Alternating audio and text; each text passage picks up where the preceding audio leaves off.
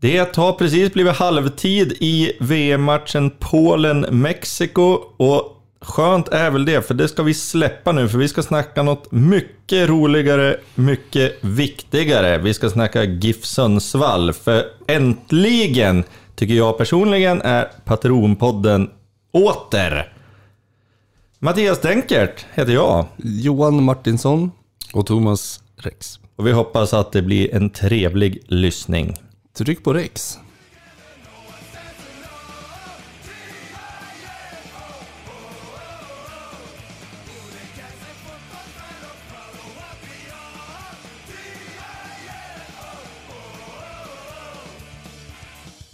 Så småningom så väntar vi in riktiga kanongäster hit till podden. Eh, Urban Hagblom kommer hit och så även Alexander Larsson. Men innan dess så ska vi väl köra lite tankesmedja, eller vad säger ni? Mm, tycker jag. Jo! Och tan... Alright. Ja, jag har slagit runt. Ja. Säsongen är över, vi får klacka ner taket ett tag. Och tankesmedjan ska vi ägna framförallt åt att se framåt. För säsongen som gick eh, kan nog vi tre här inne och resten av Sundsvall vara överens om att det inte är så mycket att eh, minnas. Nej. Sammanfattningsvis eh, 14 poäng. Sist i Allsvenskan, 80 insläppta mål på 30 matcher. Fyra vinster, två kryss. Minus 52 i målskillnad. Fy fan. 80 mål. Alltså 80 mål! Det är så sjukt! Men vill ni höra något kul? Inte ens Qatar kommer att släppa in så många mål i VM. Ja, det hoppas jag. Idiot. Men, eh, men eh, allmänt, tämligen allmänt känt är väl att 80 insläppta på 30 matcher är ju bland det sämsta genom tiderna i Allsvenskan. Eh, Falkenberg släppte in 84 mål 2016. Nu greppar vi halmstrån. Och då tog de faktiskt bara 10 poäng. Ja. Kul för dem. Så att vi är ju betydligt bättre än dem. Så Och du menar att man kan må sämre efter en allsvensk säsong? det vet jag inte. De bor ju i Falkenberg, så att de har ju lite stränder och... Ytterst svårt att tänka på att de också skickade tränaren, sportchefen och klubbchefen. Är det inte sjukt om de inte gjorde det? Jo, det är 10 sant. poäng Det är och nästan kanske 84 ännu insläppta. Och strutväktaren och allt möjligt. Mm. Men känn på den här då. Uh, Billingsfors, säsongen 46-47.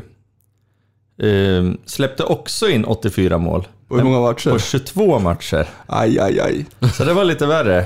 Uh, tre kryss och noll vinster. Ja, det är Mm. Det är dåligt det. Vart ligger Billingsfors vidare. då? Har de också stränder? Ingen aning, det låter inte så strandigt. Nej. Vad heter det där de gör ost? Billinge? Billinge. Kan det vara där? Är det Känns oerhört eh, ma- maskinellt på Billingen nu för tiden. Ja, Men det är inte så att de handystar, tänker jag. Knappast. Det tvivlar jag på. Eh, Men det jag tänkte på här 46-47, då var det väl alla lag typ spelade ju 2-3-5 på den tiden. Så det var väl lite frejdigare. De här tvåan, var det, vad sa Libros då? Ja, det var ju två backar. Eh, Så var det ju alltså en högerback och en vänsterback och sen så var det ju halver då. Ja, just det. Vänsterhalv, centerhalv, högerhalv och sen hade du eh, yttrarna. Alltså vänsterytter, högerytter, vänsterinner, högerinner och en center. Det var mest klart till halvklart i Billingsfors vid det året kan man säga. Garanterat. Man skulle kunna säga att det ligger ganska nära Åmål inåt landet mot Göteborgshållet. Precis det jag Så hade att- tänkt att gissa på. Och Okej. då, Ja. då vet man att man inte har det lätt. Det är alltså Nej. inte ens Åmål, utan det ligger i närheten av Åmål. Ja, Åmål är faktiskt en, det är fan fint. Nej, det är det inte. Jag har en tjejkompis som var där och skulle hälsa på sin pappa som bor där. Ja, Och eh, hon är vegetarian och skulle beställa vegetarisk mat. Och det närmaste, eller det som fanns som vegetariskt alternativ på menyn var kyckling. jo men har det, vad har det med hur fint Men det var väl som, var inte det som i kioskerna som, som Mattias Byström sa? Att, Jo. Vad finns det för vegetariskt alternativ? Det är kycklingkorv. Ja, den ligger ju kvar i och för sig där ute. Ifall någon är hungrig så finns det ju. Har Oh. man ju sett bilder på. Mm. Jajamän. Ja, nej men, men då kanske vi har summerat Giffarnas säsong. Ja. Eh, inte sämst någonsin. Nej, Nej, det räcker väl. Ganska långt ifrån. Ja. Och därmed så ser vi framåt. Och Det ska bli kul. Det finns mycket att se framåt kring, därför att eh, som du nämnde här i förbifarten Johan, så har vi ju just nu eh, ingen klubbchef, eller vi har en klubbchef, eh, men vi- Ja. det ska in en ny klubbchef. Vi har ingen sportchef och vi har ingen huvudtränare för A-laget. Så det är det tre poster som ska in till nästa säsong.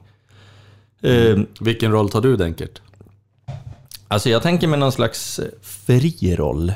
Ja, In och peta allt. Ja, tänkte om vi tre skulle ta det. Jag känner en kille, en kille som heter Peter Johansson i Örebro som kallas för Pet-Johan. Han kallas för Pet-Johan för han petar i allt. ja. Det kan Ja. vara du. Pet-Denkert. ja men visst. Nej, men jag, jag har fått lite förslag sådär. Jag, jag har ju sonderat terrängen lite och några förslag som har funnits är till exempel att eh, Daniel Kindberg, klubbchef, Anders Jansson, gamla Dragons eh, managern som sportchef. Där blev det genast mörkare. Och Lotte Larsson, tränare, som fick sparken efter 13 raka segrar i Njurunda SK. Mhm. Ja, du ser. Men ska vi inte ha skäggmannen också då? Örnen här. Örn. Ja, Då blir det nej, spännande. Det är synd om Anders Örn. Nej, han är, han är bra Örn. Han Ja. är, ja.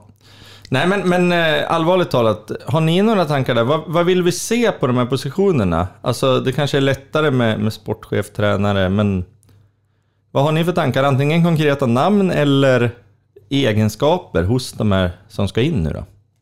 Alltså i klubbchef så vill man ju ha någon som förstår att, att det liksom finns en helhet. Eh, med evenemang till exempel då, att det måste funka i kiosk. Allt måste funka för att det ska gå ihop. Man kan ju liksom inte fokusera bara på, på ekonomi till exempel. För att ekonomin hänger ju ihop med att, vill, att folk vill komma tillbaka. Och det är väl bara att se på de siffror vi har fått som är något av de mest häpnadsväckande jag har skådat i, i min livstid. Det där är pinsamt på riktigt. det. Ja, det är, vi har ju skämt ut oss liksom i hela fotbollssverige. När den presenteras på storbild nere i Stockholm inför alla, alla elitklubbar så, så är vi de enda som ligger på minus liksom. Det är ju...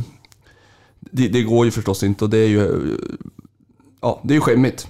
Eh, Så man vill ju ha någon som förstår och tar ett helhetsgrepp om, om liksom hela evenemang och, och hela föreningen. Och att det är också viktigt att man har ansiktet utåt och kan prata med folk och ta till sig av, av ja, med kritik och förslag och allt möjligt.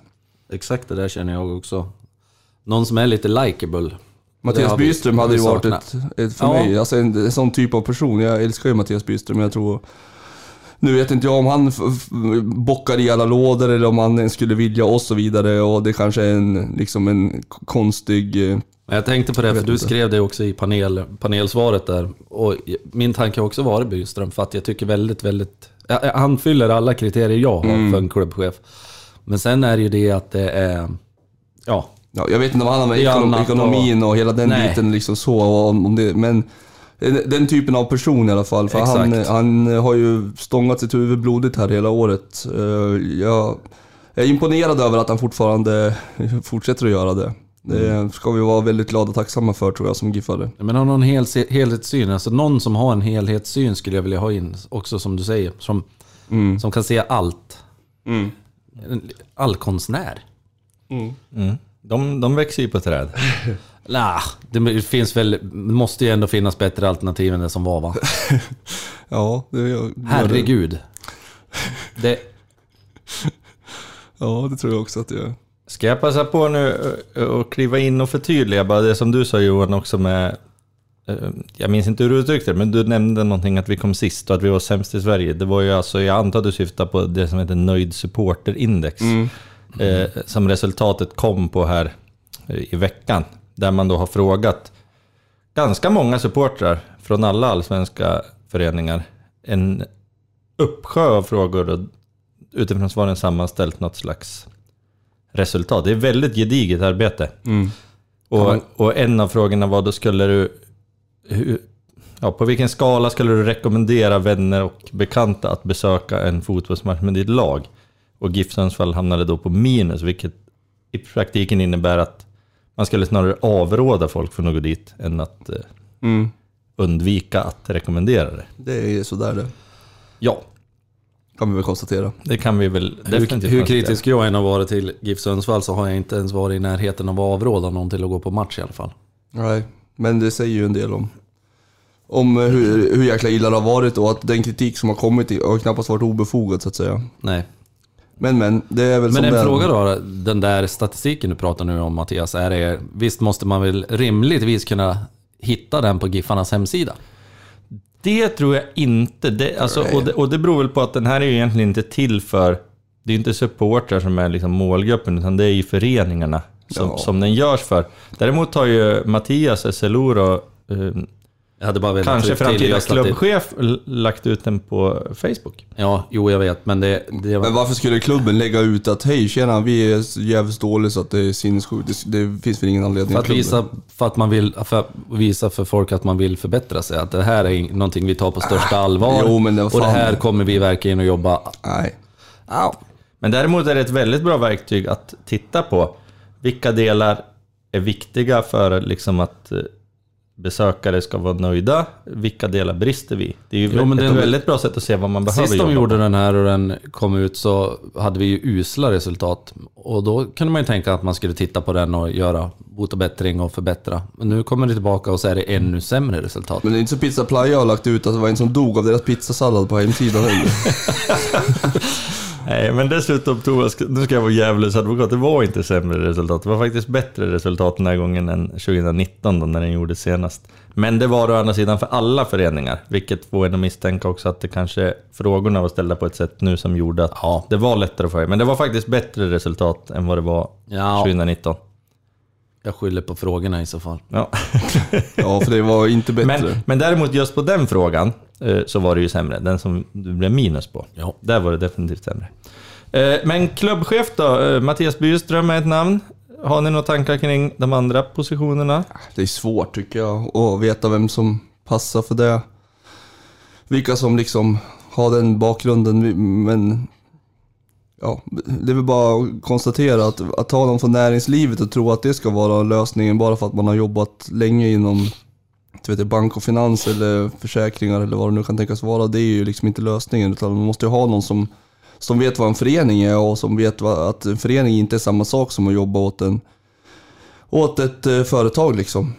Och att man fattar att det måste eh, synkas med ideellt arbetande, speciellt i en förening som våran. Och att man måste eh, va- vara en schysst och trevlig person som också håller de här relationerna vid liv. Vilket absolut inte har varit i år och det kan vi väl liksom konstatera och det vet jag också att det är så. Eh, nu ska jag säga det Johan, att eh, jag vet ju, förutom kanske, kanske Tutto Balutto-profilen Thomas Wilbacher, så vet jag ingen som ser så mycket fotboll som du gör. Eh, så att du hade ju kunnat varit en potentiell sportchef. Om det inte var så att Nu, jag också... sport, sportchef nu. Sportchef, ja. Ja, nu. Jag trodde vi pratade klubbchef här. Men du jag, vill ha en in... Jag pratar sportchef. Ja, Jag vill, alltså missförstå mig rätt, jag vill absolut inte ha Johan Martinsson som klubbchef.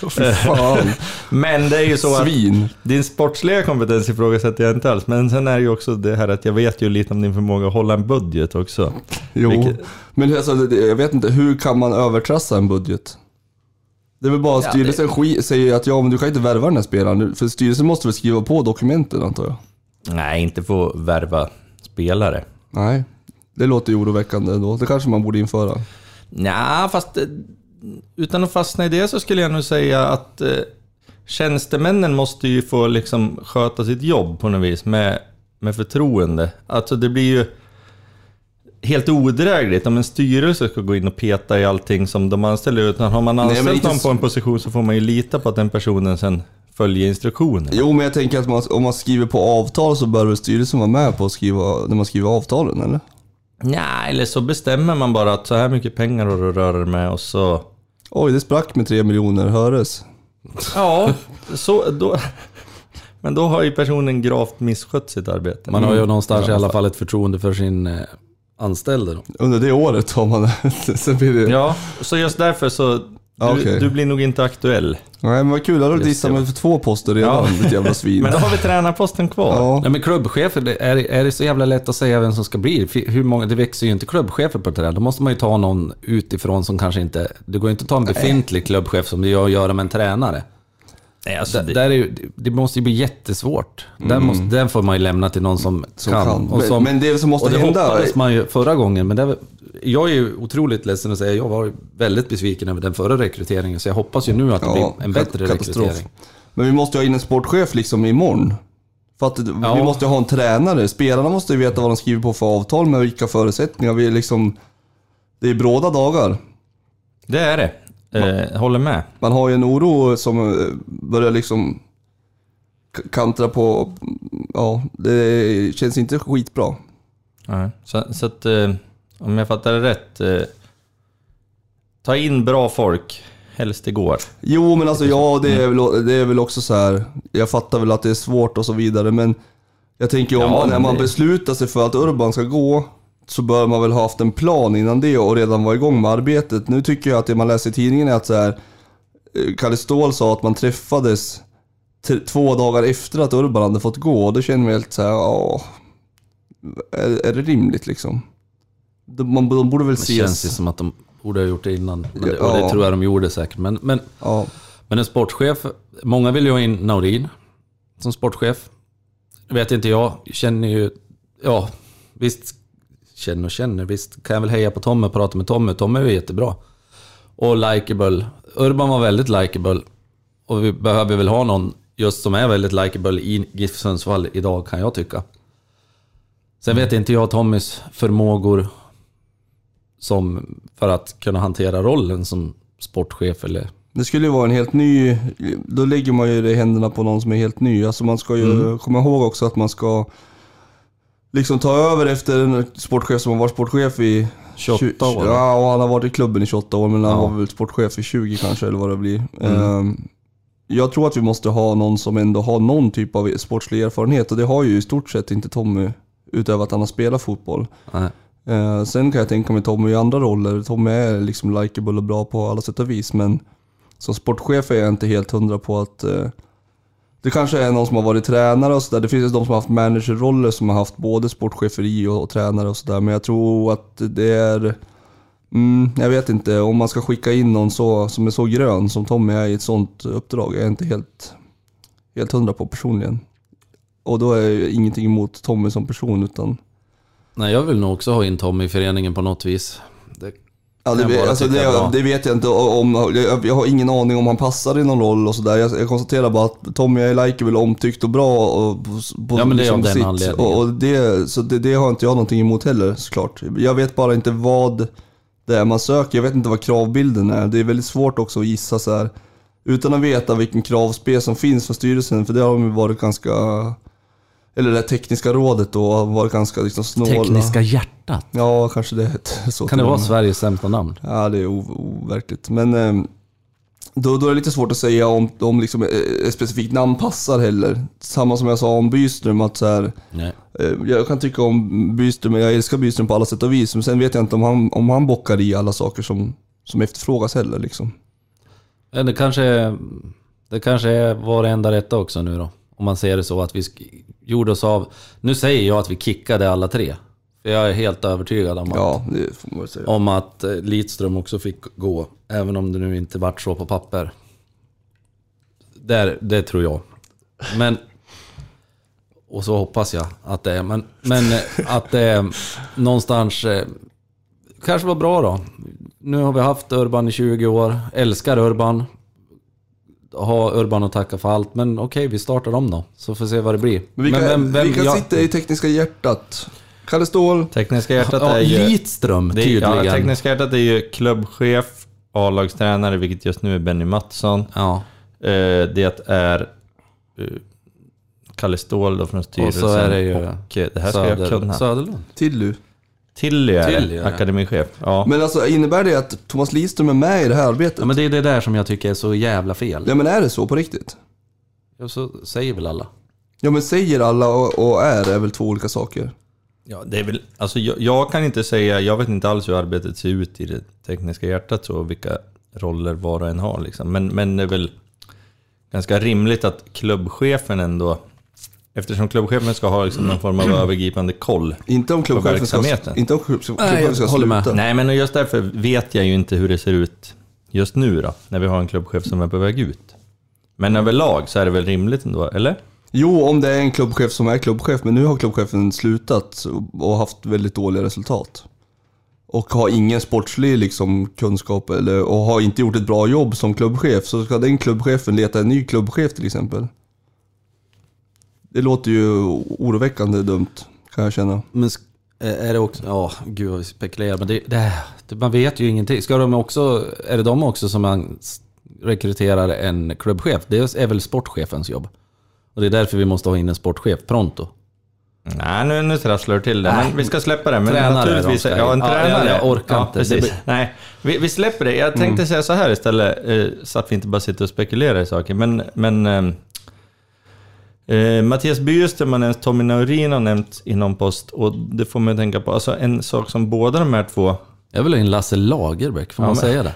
Ja, du får säga precis vad du vill. Men en sak som båda de här två otvivelaktigt besitter är ju ett GIF-hjärta. Hur viktig är parametern GIF-hjärta i rekryteringen av de här posterna, Väl- tycker ni? väldigt, väldigt tycker jag. Det tycker jag syns nu också. Att det är A och O för att det ska funka. Att man har någon typ av... Någon som har ett GIF-hjärta. Sen behöver inte alla liksom vara urgiffar. Vi behöver inte liksom... Eh, så, men, men att, att man har en känsla för föreningen på vissa poster, det tror jag är avgörande. Och till exempel som klubbchef, att man, att man har någon typ av koppling som gör att man faktiskt brinner för att det ska se snyggt ut. Och, och bra ut. Och liksom att, att man känner att det gör ont i en när man ser siffror som säger att liksom folk inte vill välkomna tillbaka. Eller liksom rå- råda kompisar att gå på matcher. Då, är det ju, då ska det ju skära i hjärtat på en. Kan jag känna. Det skulle du ju egentligen, även om du inte har ett GIF-hjärta. För det är ju ändå det du är anställd för. Det är ditt jobb de indirekt klagar på. Så Ja, men om jag omformulerar mig Men jag fattar så- vad du menar. Så, så tycker jag att det är... Att jag tror att det är viktigt. För Men- mig är det nog extra viktigt att vi får in ett klubbhjärta för Giffarna, att man är en Giffare just nu. Allra helst när den största Giffaren in, i det, på hela kanslidelen försvinner. Ja, jag tror att Men det är Urban. viktigare på kansliet. Sen så tycker jag inte heller om det här att så fort vi ska leta en tränare, då ska det vara så här, ja det blir någon liksom så här, vad finns det för chanser att få tillbaka Ånstrand? Om det inte blir Ånstrand, då blir det Ja. Joel. Och så bara, vad- Joel fick ju sparken för några år sedan. Inge, absolut inget ont om Joel, han, kan, han är jättekunnig och han, han har ju visat liksom, han har gjort våra bästa resultat i, i, liksom i, i närtid så. Men, men vi måste kunna vidga vyerna och se till liksom, om vi ska börja om, då ska vi väl börja om. Vill du att vi ska chansa med någon oprövad? Skulle du vilja? Nej, men det var, det var Ja, men också- oprövad Ja, men det var, tränare, han Luleå-snubben här uppe nu då, eller vem är det? Norsken där. norsken, men han är redan Odd. rökt. Ja, eller Nej. coach Dogge som är helt Ja men, oprövad ja, men coach Dogge, alltså, ja det skulle jag absolut kunna tänka mig att göra. Mm. Men det var någon som sa det också så här, ja men eh, är det läge nu att, att testa med någon oprövad då? Eh, om, vi, om vi går på någon vi har haft, då vet vi vad vi får. Ja, vad, ja vadå? Ja, de Alla har ju de fått sparken. till- Varenda en har ju Ja. fått sparken. Så vad, ska vi, om vi vet vad vi får och så vet vi att det är skit. Nej, nej. Och, och samtidigt så här, testa en oprövad som coach Dogge. Jo, absolut, men vilken hylla är det vi... Vi kan ju inte gå på Shelak liksom. Det verkar ju inte möjligt ekonomiskt. Norling verkar ju liksom inte heller möjligt ekonomiskt. Ja, men då får vi ju gå ner en hylla och då tycker jag att en sån här upcoming som coach Dogge som har gjort bra resultat skulle kunna vara en, ett jättebra namn. Annars får du gå på Jörgen Lennartsson eller Roar Hansen liksom. Då kan vi ju lägga ner. Ja, väldigt Erik. Ja, ja, hårda bud. Om eh, Roar Hansen hör det här. Ja, det är oklart om man kan höra längre faktiskt. Annars kan det Tom Prahl, han ser väl inget istället. Ja, ja, ja så, så kan det vara. Han är han är scout, det är väldigt kul att Tom Prahl är scout. Det fanns ju någon sån här sketch, vilka var det som gjorde den? Man fick se världen ur Tom Prahls ögon. Det bara var som en liten strimma. Men ja, Ja, men vi kan ju ta en. Mullvad som tränare. Ja, vi får väl se vad det blir. Om det blir en Mullvad eller Janne Schaffer. Det hade varit jävligt kittlande med en Mullvad faktiskt på sidan. Absolut. Stora Eh. trockabottnen på. Jag tänkte faktiskt också... Inga glasögonormar vill jag ha.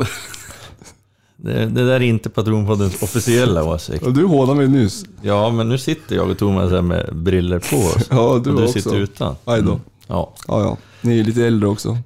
vi är ju det. Alla kan inte vara så unga och fräscha som du. Just precis. Nej. Eh, truppen då? Ska vi kika lite på den också? Mm. Eller vad säger ni? Jag tänkte bara så här, det intressanta är ju egentligen, om jag drar det... Eh, alltså jag, jag drar de som just nu finns med kontraktslängd och så börjar vi med de som har längst kontrakt. Så är det så att tre år kvar har eh, Ronaldo Damush, eh, Gabriel Castro. Där finns det ju dock, ska sägas, en, en option att båda kan avsluta, precis det som hände med Peter McCrillos. Hur länge då? Eh, det vet jag inte och även om jag visste skulle jag inte säga det. Nej. Men Eh, är det, är det optioner på att avsluta utan... Alltså man får gå som bossman menar du? Ja, Ja, precis. Och det gäller ju åt båda håll. ja det vi gjorde GIF kan avsluta och Castro kan avsluta. Mhm. Eh, Så men- då kan vi glömma att vi får pengar för en sån som Damouche också? Om Nej, vi... Damouche nej, men fin- det är alltså- på Castro finns Castro. det. Inte Jaha, på du Det är bara på Castro Ah, ja. det finns en sån option. Damouche har tre år kvar, eh, Castro har tre år kvar och sen de som precis har skrivit på, Jonas Chino och Edvin Delkans, har också tre år kvar. Mm. Eh, två år kvar har Forrest Lasso, Marcus Burman, Jesper Karström, som lär komma tillbaka från Gävle, Ludvig Novik, Sacco Ylätupa, Alexander Larsson och Pontus Engblom. Ett år kvar har vi på Oskar Jonsson, Alexander Blomqvist, Robban Lundström, Theodor Stenshagen, Rasmus Lindqvist och Erik Andersson. Sen har vi en liten specialare, Johan Bengtsson, som har ett halvår kvar. Halvår kvar. Vars kontrakt går ut i sommar. Sånt där konstigt kontrakt igen. Och slutligen då, spelare vars kontrakt går ut. Eh, Andreas Andersson, Gustav Molin, Dennis Olsson, Paja Pitschka och Linus Hallenius. Vad ska vi prioritera här? Finns det Lin- någon prio? Linus Hallenius. Linus och Dennis Olsson. Mm. Linus och Dennis Ja, det tycker jag. bör vi förlänga med, eller förnya med. Alltså jag skulle gärna förlänga Paja också, jag gillar Paja. Mm. Nu ringer det. Nu ringer det på dörren här.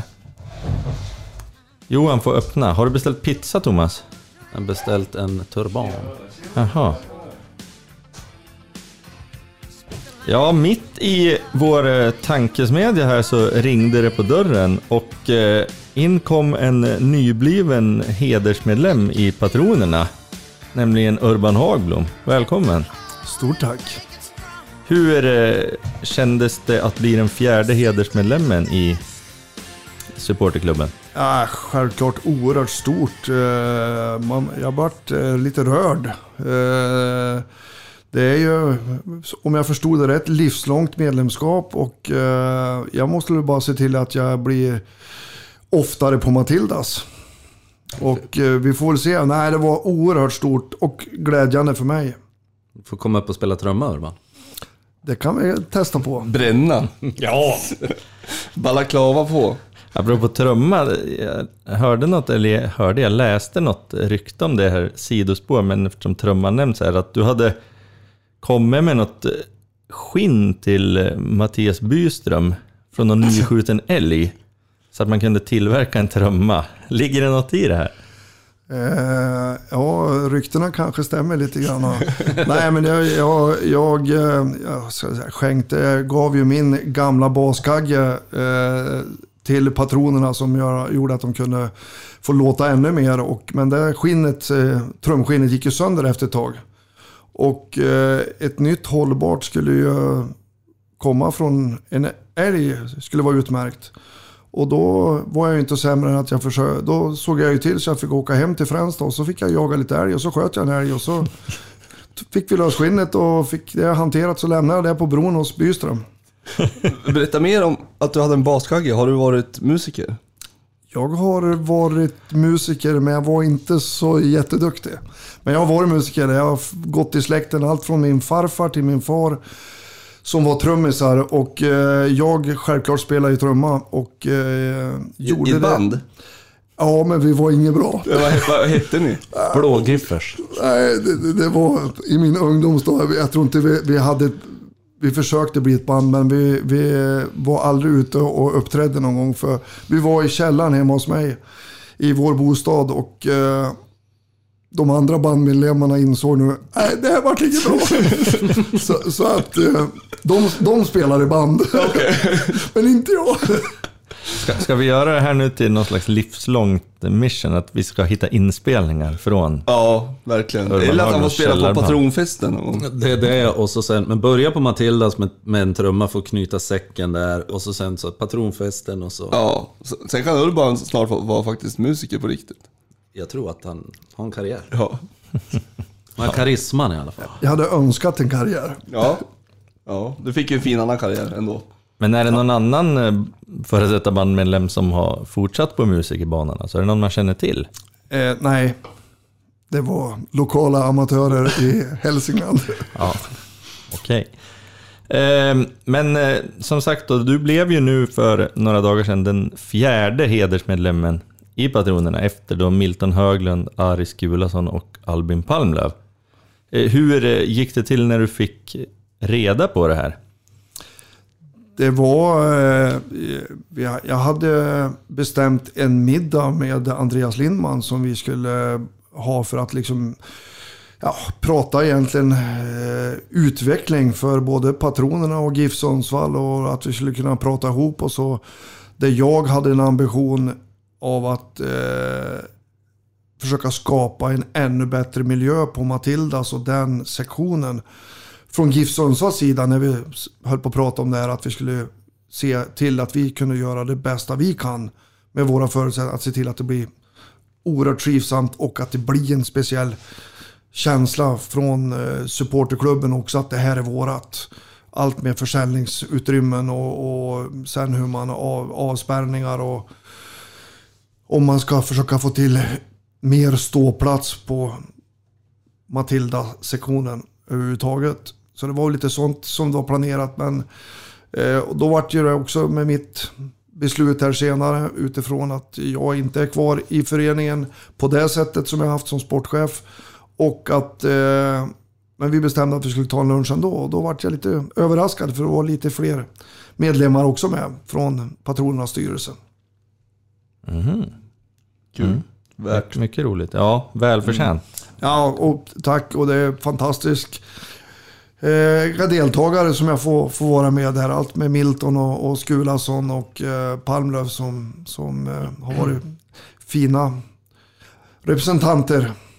Fina Milton alltså. Om Ja. man minns Milton. Fantastiskt. Mm. Det, var, det, var, det var en urgiffare. Ja, hyfsat. Ja, han var väl också inblandad i starten av Patronerna, som jag har förstått det. Jajamän. Men hur, hur känns det nu då Urban efter alltså beslutet är taget och sådär? Har du landat någonting? Och... Eh, jag har landat men eh, det, det, det, det är dubbla känslor ska jag väl säga. Både att det känns fantastiskt bra, eh, spännande där jag ska börja titta på nya aktiviteter, nya uppdrag. Och att så funkar det ju lite grann i livet där man, där man söker nya utmaningar och allt sånt här. Samtidigt som det också är en, en väldig ledsamhet, leds, där man blir ledsen utifrån att jag har varit med på en fantastisk utvecklingsresa från 1995 till nu då 2022. Och eh, glädjande, ja det har ju blivit 14 allsvenska säsonger och 14 superetta-säsonger. Mm. Eller, får ursäkta, 95 så heter det inte superettan, då heter det division 1 norra till och med. Så att jag är så jävla gammal Eh, ja.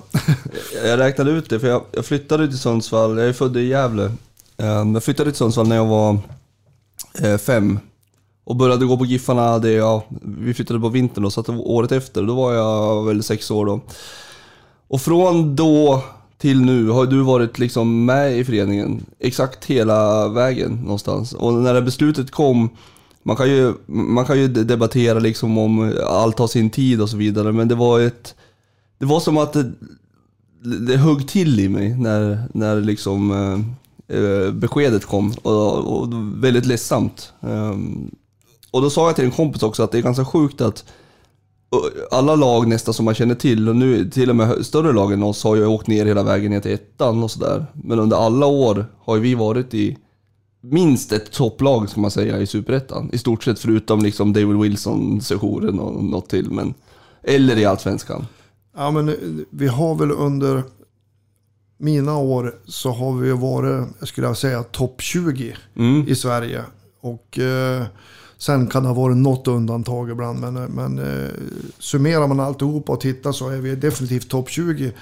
Och det är ju också kanske lite grann utifrån de förutsättningar GIF Sundsvall och den här mellannorrländska regionen har för att skapa förutsättningar för lag. Men som vi har gjort på ett oerhört bra sätt, tycker jag. Mm, verkligen. Sen, eh, för det handlar, trist att säga det, det, det har varit, blivit en väldig skillnad från 1995 när jag började till hur det ser ut idag.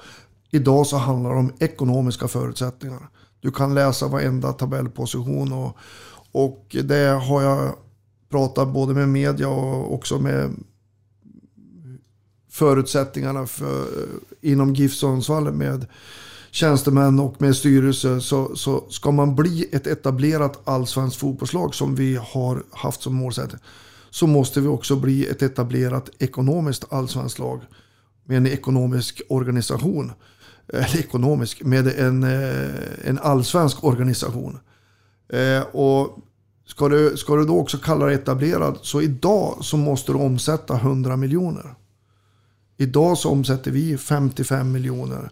Och vi är tillsammans med ett antal eh, mindre klubbar i allsvenskan. Eh, allt utifrån Mjällby till Värnamo, till Varberg, till Helsingborg, eh, till Degerfors.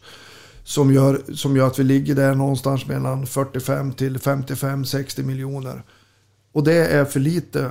För att då blir det så kännbar när det sker misstag eller det händer som olyckligtvis i vårat fall skada på Linus Alenius som var en viktig del. Och sen har ett antal incidenter, eh, saker som händer under säsongen som påverkar det sportsliga resultatet. Då åker man ur. Mm. Är det för många, då åker man ur. Och det gjorde GIF Sundsvall och Helsingborg, lyckades inte med det. Det, det, det händer lite för många saker. Det är inte en sak som gör att vi åker ur allsvenskan 2022, utan det är en, ett antal ska man säga, händelser och incidenter och eh, allt från skador till, till liksom om du pratar gruppdynamik, you name it. Men, men liksom så kan man prata om, jag brukar prata om en meterstock. När man, för att nå sitt mål så har man en meter. Och varje sån här händelse, som nu med Linus Alenius, med liksom gruppdynamiken utifrån hur man har fått till det, så skär man centimeter för varje. Och som i det här fallet kanske vi var uppe i 9-10 sådana händelser. Då är vi nere på 90 centimeter. Mm. Då är man chanslös. Då når man aldrig målet. Om man tittar på den liksom... Eh, ja men ekonomiska kostymen då, att vi skulle ha tagit... Alltså att vi skulle behövt ha... ha om du ser till... Är det någonting du kan liksom själv känna att fan det här skulle jag ha gjort för att det skulle ha blivit... För att det skulle kunna varit närmare den ekonomiska kostymen eller? Um, nej, det, det, är lite svårt. För det, det det handlar om det är liksom att för allt sånt här är ju långsiktigt. Och det är, liksom, det är klart att vi kan inte gå från 55 miljoner och så omsätta till 100. Men det handlar om att skapa ett sånt intresse eh, för varumärket GIF Sundsvall. Som gör att det är så attraktivt från självklart Sundsvalls näringsliv och befolkning. Men också att vi skulle fånga mer Mellannorrland. Sen om vi pratar ner mot Hudiksvall, Härnösand, upp mot, alltså upp till Härnösand, liksom Ångermanland mot Sollefteå, Kramfors. Och det, om man säger den södra delen av Ångermanland och den norra delen av Hälsingland. Att fånga det så har i alla fall närmare 200-250 000 invånare. Som gör liksom att du skulle kunna skapa ett attraktionsvärde. Och det har vi väl inte lyckats tillräckligt bra i föreningen. Och där upplever jag att eh, vi har ett jobb att göra. Mm. Mm. Det är väl inte bara där känner jag, det är väl i Sundsvall som stad också. Att man inte har riktigt lyckats hela vägen ens där. Nej, och så är det ju att, att vi har inte lyckats bli folkliga. Ska säga, utifrån att skapa en tro och Eh, att det, det, är en positiv känsla på produkten GIF Sundsvall och det har vi inte lyckats med det är en viktig del för att skapa liksom basen. Men sen självklart så över den långsiktigheten så handlar det också om att som fotbollsbusinessen är idag så handlar det om att sälja spelare. Och att du, du liksom ska skapa en spelarlogistik som gör att du har ersättarna på plats redan. Att du har en tillräckligt stort spelartrupp som gör att du har spelaren på plats när du säljer. Ja, som vi gjorde med Linus Alenius som såldes eh, när vi mm. sålde han till Apoel i Cypern, eh, så, så, skulle vi ha ersättaren på plats i Sundsvall, i laget redan. Och där har vi väl inte lyckats tillräckligt bra. Mm. Och det är väl det som har jobbat med under hela den här resan. För det kan jag säga, från 1995 när jag startade, då var inte GIF Sundsvalls akademi, vi var inte ens bäst i Medelpad. Utan vi hade två, tre klubbar här i Medelpad som var bättre än GIF Sundsvall. Nu så är vi allsvensk vi är topp i Sverige på vår akademi. Men vi kan självklart bli mycket, mycket bättre. Och föreningen lägger stora resurser på akademin. Och det här är ju att långsiktigt någonting som kommer att generera även i försäljningsintäkter förhoppningsvis. Eh, Du sitter ju på någon form av unik liksom, inblick nu i sportchefsjobbet över tid här. Eh, Och eftersom du pratar om det är stor skillnad eh, mellan när du började jämfört med nu kring hur föreningar fungerar och så här. Men hur har jobbet som sportchef förändrats genom de här åren? Vad är den största skillnaden nu jämfört med för 20 år sedan till exempel? Eh, skillnaden är, och det är ju oerhört mycket alltså utifrån det, har ju gått egentligen från en ideell verksamhet till en professionell kommersiell verksamhet. Men eh, i sportchefsrollerna så har det väl gått från att det var Eh, då så var det ju mera lokala, eh, regionala spelare som man jobbade med. Och där du liksom kunde plocka in någon spetsspelare. Nu så är det ju en marknad över hela världen. Det var det ju inte. Det, det var ju på sin höjd att det kunde bli en norrman eller att det kunde bli eh, någon enstaka. Inte. Men nu, nu så har ju marknaden öppnats upp eh, för fotbollen i hela världen. Och snart alla nationer har ju kvalitet i sina ligor i respektive land. land. Så att, eh, men den största skillnaden, och den är kanske inte så jätterolig, det är för 20 år sedan, då var laget nummer ett. Då, då stod man upp för laget i sju dagar i veckan. Idag så har det blivit mer individer vad som är viktigt för mig och mitt eget ego. Och det har varit lite jobbigt att liksom möta hela tiden, där man hela tiden måste jobba mot egot. Jag brukar säga att vi har, vi har gått från eh, vi AB till jag AB. Och jag saknar den känslan för klubben och att göra liksom sitt yttersta, liksom, eh, jag brukar säga offra benpipan för varandra. Eh, idag så, äh, jag gör inte det för det är inget bra för mig. Och Det speglar väl hela samhället egentligen också. Så och är det. absolut fotbollsvärlden. Så att, Det är bara att titta på Fifa och hela den ja, parodin. men, äh, och det, det, det här följer ju det, så det ser ju ut likadant i hela samhället. Jag tänker på det också som du sa då, skillnaden med 95 och och nu. 95 att vi satsar lokala spelare, vi tar dem ifrån närområdena och att vi kan ta in någon spets.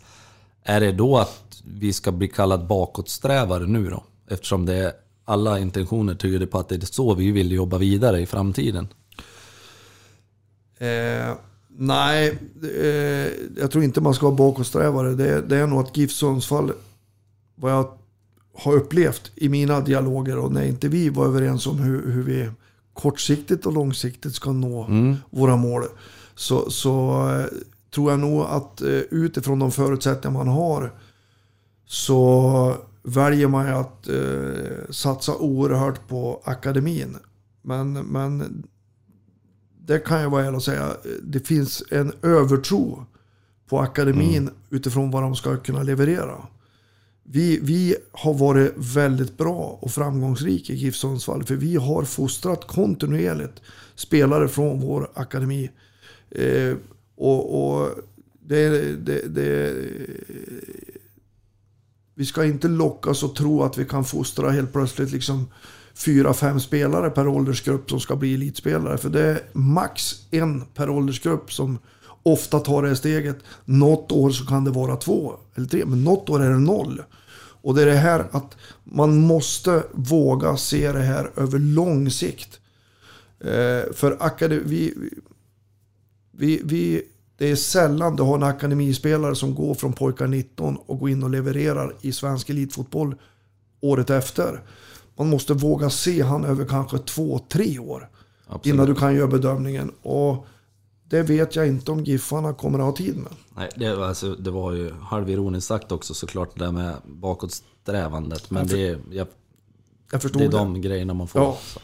Ja, för det jag kan känna en liten oro över att om man liksom tror att vi ska bygga ett lag med ja, men alla ska vara från Sundsvall. Jag tycker att det har varit lite överdrivet det, det snacket liksom att eh, de ska vara från Sundsvall och det ska vara från Norrland. Det är ju eftersträvansvärt naturligtvis och det hade väl varit skitkul om vi kunde ha eh, Kiruna, Piteå, Umeå och så vidare. Men, men eh, det man känner lite oro över nu är att ska vi liksom spela med akademispelare och, och sådana som bara är härifrån, då känns det främmande att vi ska vara ett, liksom ett, ett, elit, ett, ett elitlag som ligger i Allsvenskan eller toppen av Superettan. Då kanske man börjar snacka eh, att vi får vara glada om vi är kvar i Superettan. Den rädslan eh, känner jag i alla fall personligen. Den delar jag med dig.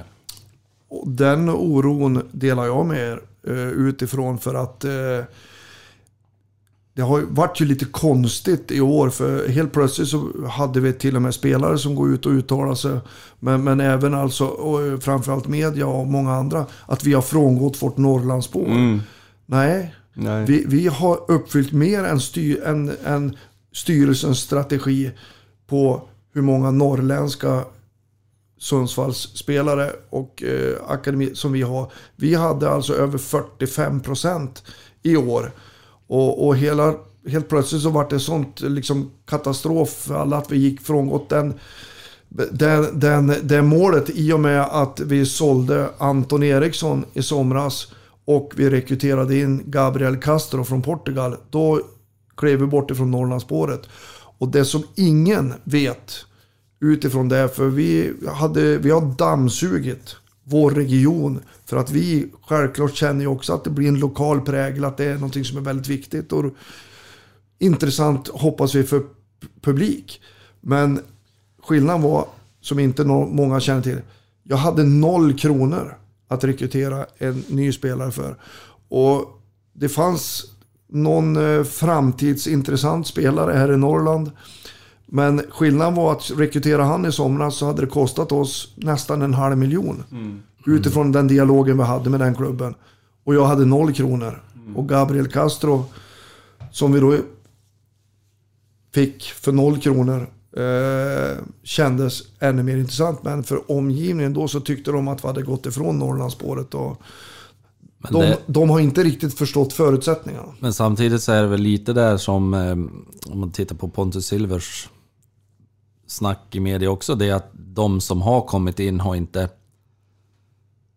varit nämnvärt bättre än de som vi kanske redan hade. Och det är det där tror jag gemene man i så fall ser problemet. Och inte att vi tar in spelare från, från utifrån. Sen förstår jag någonstans också att de kostar kanske mer då. Men, att, ja, men då hade vi kanske lika gärna kunnat kört på våra egna produkter som som ändå var våra egna produkter, som är unga killar. Men som, ja, som, de var lika bra som Gabriel Castro. För han, det var ingen, nu var han var väl ingen som kom in och färgade på en gång. Och vill, nu tänker jag att man pratar för den att det är det man ville ha in när man får in en spelare utifrån då. I en sån här satsning, att man ville att de skulle komma in och göra ett avtryck direkt. Men hade vi, hade vi en sån högerback som var Nej men alltså ta han som... Ta någon annan då. Ja. Men alltså, det var det som... Mm. Men, men, det är så jag tänker att man tänker. Det har jag faktiskt ett bra svar på eh, utifrån för att jag tror att det kan vara en uppfattning eh, från många. Eh, det är ju så att eh, som var ett måste för oss var att ha ett antal numerärer. För att vi var på väg att bli för tunn. För, ja. för att vi fyllde alltså inte bänken ens. Men nu, alltså antal spelare. Och vi var ju tvingade att ha numerärer. Och då, med de ekonomiska förutsättningar som jag fick, men som också GIF Sundsvall har haft under många år. Så är det en viss nivå på spelarna man tar hit för noll kronor. Och det är skillnaden då, och det tror jag ni kan backa tillbaka och titta på alla spelare som jag har rekryterat genom de här åren. Så är det ingen har jag sagt, men det finns en. Men nästan till ingen som har kommit in och levererat dag ett. Och då kan man säga, att fan det är för dåliga spelare. Ja, sen dag två, så har, alltså året efter, så har de börjat leverera. Så att andra året och tredje året så blir de så bra så att de liksom helvete. Tog inte Runar typ ett och ett halvt år? Typ? Jo, och t- som man då pratar om att Runar Mar Sigurdsson så, så var det så. Han satt på bänk i ett helt år och alla ifrågasatte mig då. Vad fan har du tagit hit? Eh, Liksom, det är för dåligt. Ja, nu så pratar man om att det är den bästa centrala mittfältaren GIF Sundsvall har haft. Men det är precis det det handlar om. Det är alltså en... Man måste... Alla spelare i GIF Sundsvall har liksom, eh, muskler att rekrytera är spelare vi måste ge tid. Det är ingen som kommer in och levererar dag ett. Den enda som har levererat dag ett är Juan José Coles. Ja, Vår spanska vän som var fantastisk i nummer sex rollen I hans... Så han kom in och levererade dag ett. Han är den enda. För vi kan titta på Runar Mar, du kan titta på Marcus Danielsson. Du kan titta på Padibba, liksom, du kan titta på alla. Eh, Carlos Gracia som idag är en, en liksom, fantastisk mittback i Allsvenskan och är Djurgården-köparen. Ja men han färgade inte hos oss på första ett och ett halvt åren och alla Nej. ifrågasatte vad har vi tagit hit? Och så här har det sett ut under alla år. För skillnaden var att vi hade noll kronor. Då kunde vi ta hit, rekrytera Makrillos, Gabriel Castro. Hammarby, som hade lite pengar, de rekryterade in från Vikingstavanger de för 20 miljoner och så gav de han en signing-bonus på x antal miljoner. Sjukt. Och så färgade inte han. Men Nej. där så är det inte, han är inte för dålig. hävdar- Nej men han kommer också leverera. Jag är helt säker. Men det, det, det, det, där var ett kanonsvar, måste jag ändå Ja. säga. För det där är ju någonting som inte riktigt har framgått. Nej. Men samtidigt så känner man väl då, nu nu känner jag, men jag sitter och försvarar kanske folkets, jag försvarar ingenting, men jag vill bara svaren kanske som man Mm. tänker att det ställs.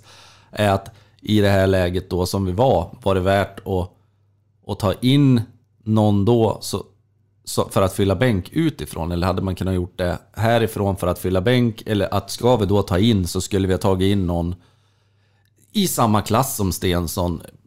Eller hjälp mig med backen som försvinner. Anton. Anton, Eriksson. Ehm, att det är det man ville ha in istället om vi skulle ha tagit in i det läget. Ja, Annars för- hade vi kunnat tagit dem härifrån. Ja, för Men jag det- förstår och hör vad du säger. Så Det är som har sagts har väl varit att så här, eh, utifrån det svaret då, att om det nu är så att vi tar in en spelare som det kommer ta, att det alltid tar liksom ett halvår, ett år. Eh, sk- ska, alltså varför tog vi in dem i sommar om det ändå skulle ta ett år? Den, Ja. den, den grejen förstår jag ju. Samtidigt så utgår jag ifrån att ni var fast beslutna om att vi skulle klara oss kvar i Allsvenskan och då skulle de här spelarna vara kvar och så skulle de levereras nästa år. Så det finns väl två liksom mynt av det. Och det var väl därför också det fanns vissa lösningar med de senaste Ja, rekryteringarnas exakt. kontrakt. Ja. Men, men jag är helt säker Makrillos skulle leverera nästa år. Ja men jag, jag gillar ju är helt honom. säker. För, Ja, för han att vill jag han, han har varit ju också maximalt. Han fick 30 minuter i sin första match och vart han skadad i en och en halv månad. Han bröt ansiktet Ja, precis. eh, och, och, så, så vi har inte haft marginalerna med Nej, oss alltså- tyvärr. Men återigen, jag har all förståelse för det är ju det här som också skapar intresset Mm. från folk. att eh, Den kritiken måste vi ta. Men det, jag, jag vill ändå nämna det för att det ska vara en förklaring utifrån hur en sån här process går. Och det är det som jag pratar om som vi måste, det hör jag säger vi fortfarande, Ja. måste bli bättre på är ju spelarlogistiken. När vi säljer spelare så skulle vi haft Anton Erikssons ersättare redan i laget. Eh, vilket vi hade när de med Theodor Stenshagen och vi har inte rekryterat in någon mittback utan vi tittade ju för att balansera upp laget med rätt kvaliteter som hade gjort att vi kunde bli fler. Och ett svar på att vi skulle ha rekryterat på de egna. Vi, hade inga, vi, hade, vi har ju tömt vår akademi på de spelare som var aktuella. Utan det här, det, det, det, det var inte någon som var i närheten utav de här. För de fanns redan i vår A-trupp. Men vi var för få numerärer. Nej, det, ja, äh, det är bra svar, jag håller med dig. Men det just Makrillos, där är det. Jag ser ju nästan... I ja, mina fotbollsögon så såg jag en Runar Mar kopia nästintill att där hade vi kunnat haft någon som kunde blomma ut. Nu är han tyvärr förlorad så att... Men sen är det väl så, om man tittar då på i år. Det är ju många unga som har fått chansen att spela från start, ganska många matcher. Ja, Ska vi hårdra det och titta på hur det faktiskt ser ut? Är det någon som har faktiskt tagit den chansen? Nej, det kan, det, det kan, jag kan inte känna att det är någon som har liksom varit exceptionellt bra eller stuckit ut heller. Så att man måste också förstå att man, man kan ju inte bara slänga in en spelare som är 18 för att den är 18 heller. Helt rätt. Och det är det här, vi måste ge Ludvig Novik tid. Att få, han utvecklas på det här året. Sen så kan vi på läktarna tycka att det inte var tillräckligt bra. Men han följer precis utbildningsstegen för en 18-19-åring. Theodor Stenshagen, likadant. Men Fått pa. Paja, Paja Eh, fick ju starta. Han, Paja, han ska ju vara i, Ja. i en ålder där han faktiskt ska vara bra nu. Vi har Alex Larsson som har kommit in och gjort, liksom kanske skulle ha fått lite mer tid i slutändan. Men, men, men där har du ju också en ung spelare som är på väg att skapa lite erfarenhet. Och det är det här jag menar med, man måste ge de här, de, de kommer inte från akademin och levererar år ett. Det kommer att ta två, tre år. Sen är det alltid individer det här också. Jag tror ju fortfarande på Paja. Jag tror ju Paja kommer kunna bli bra. Men, men han har ju fått chansen i år. Jag kan inte Ja, ja. säga något annat än att han har fått det. Tycker jag. Men där har också det som jag känner med Alex Larsson. För mig fick han för lite speltid. Det kan jag hålla Ja, med men för, för han får de sista fem, eh, Minuter, sju, ja. tio minuterna när vi ligger under med 3-1 och ska framåt. Han är ju i min bok ingen sån, sån kötta anfallare när vi ska lägga långt och försöka gå för en kvittering. Utan han är mer en... För mig är han, i så fall är det bättre att han startar första 5-10. Och sen byts ut. 5-10. Ja men hellre, hellre att han startar 5-10 och sen byts ut än att han ska komma in och... Sjukaste förslaget som jag någonsin Ja men säg här att vi kan ha nya det... tränare, Nej, men när vi, I så fall spelaren ligger 0-0 då, då kan han komma in 5-10, men inte när vi ligger 3 under och ska. Då måste det är inte fem de spelarkvaliteterna jag tycker att han Fem har. byten kvar. Nej, men, Du spelar första fem, du spelar första 15. Men Jag tar det här med Larsson han kommer sen. Ja, men här kan jag lämna en liten förklaring som inte heller så många känner till. Utifrån den situation som GIF Sundsvall var i på senare delen av hösten. Det ekonomiska läge vi har. Och utifrån om vi vågar titta på framtiden så, så fick jag också våra tränare signaler från mig och eh, från klubben av att eh, också matcha spelare som vi såg potential till försäljning. Och det blir på bekostnad då på kanske vissa spelare som får mindre speltid för att eh, ja, om jag nu ska säga att eh, Ronaldo Damus ska få speltid för han är en potentiell försäljning. Sacco Ylätupa är en potentiell försäljning. Är ni med? Och det kan vara fler spelare som man har resonerat så för att ja men om inte de får spela, ja men då, då kommer vi inte kunna sälja dem. Nej, exakt. Eh, och samtidigt så blir det på bekostnad kanske på någon spelare som inte får den tiden. Det är bra, då behåller vi Larsson med andra. Han ska vi definitivt behålla för att det är en riktig framtidsspelare för GIF Sundsvall. Det är länge sedan GIF Sundsvall har fått fram en sån forward som levererar på det sätt som Alex kommer att göra. Det är jag helt övertygad om.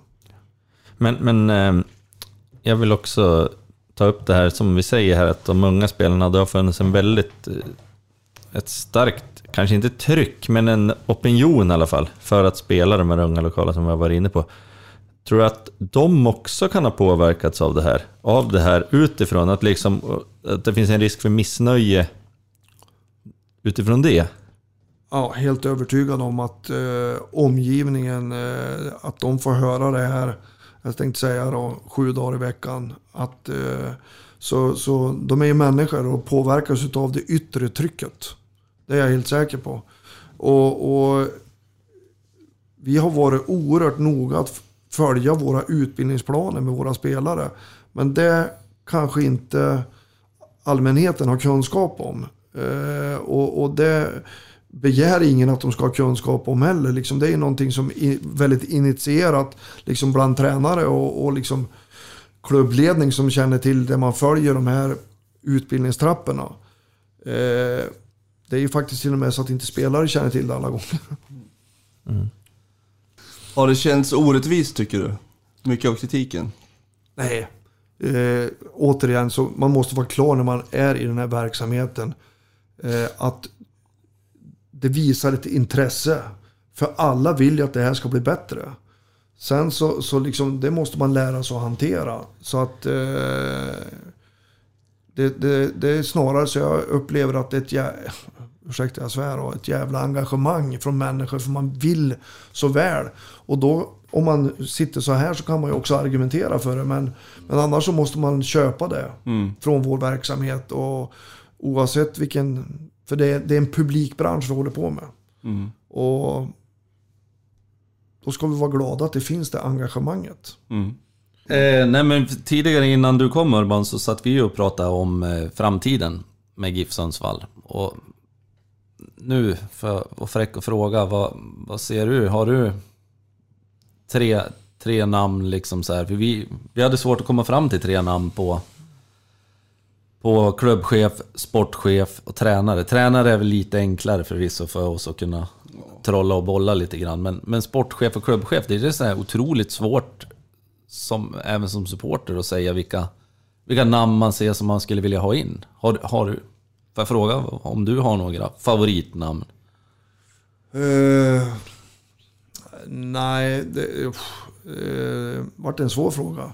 Eh, nej, men det är ju så att eh, eh, det jag tror är oerhört viktigt, men det här är min personliga uppfattning, det är att den klubbchef man rekryterar måste ha en elit fotbollskunskap. Eh, om du inte har en elit fotbollskunskap så måste du ha en elit idrottskunskap. Du måste ha en kunskap utifrån den här balansen med den idealismen och professionalismen. Utifrån hur man hanterar eh, människorna och utifrån hur man hanterar Eh, för, för där tror jag är en viktig del för att liksom också... Sen självklart så, så måste du besitta liksom framförallt marknadskunskaper.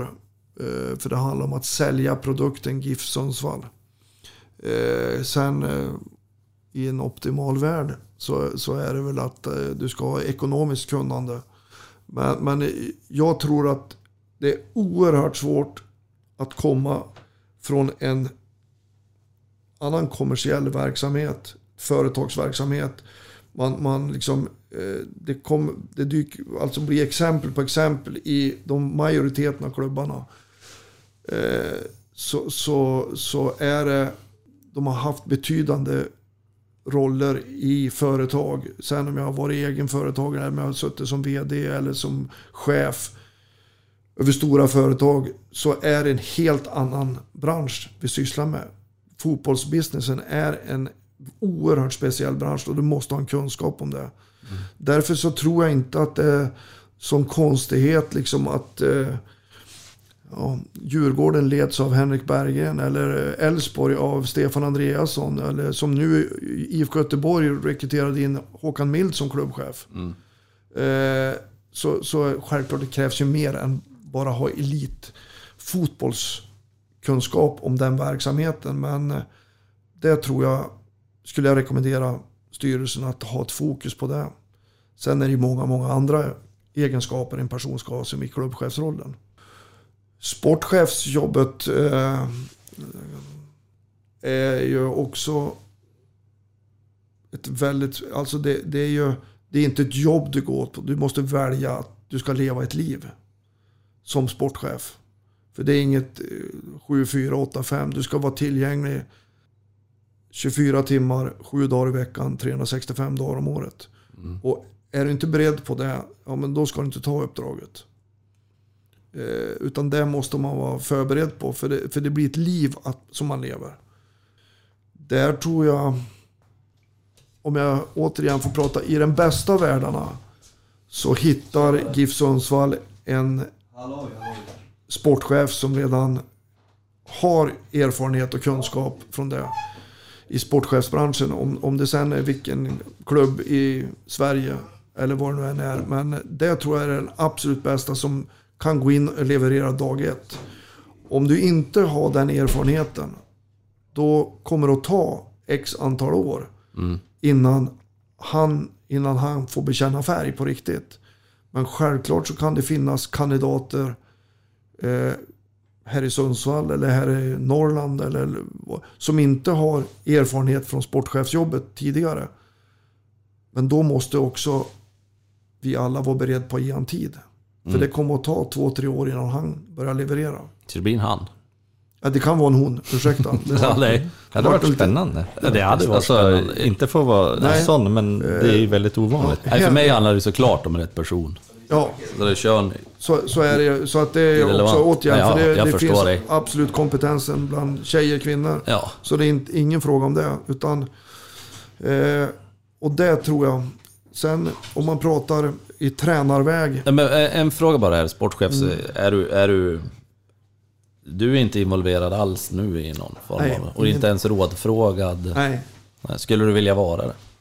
Eh, Som en liten tipsspruta. För är det någon som vet vad det handlar om så borde det ju vara du, tänker jag. Nej, men, och, och jag kan säga, för jag har inga hemligheter eller jag, jag vill göra ett så bra överlämnande jag kan. Ja. Eh, och det hoppas jag att föreningen känner att liksom jag vill göra det så att det här blir bra för Giffarna. För att skillnaden är nu att jag har valt att jag inte tror riktigt på den resa som styrelsen väljer att göra. Och då är det bättre att man också får in en sportchef som tror på den resan. För vi måste ha en tro. Vi måste ha en optimism och liksom en, en, en, eh, en positiv känsla när man, när man... Och har man inte det, utan man ifrågasätter kanske för mycket, ja, då är man inte rätt person att vara i den rollen. Och det var ju den roll som jag hamnade i nu.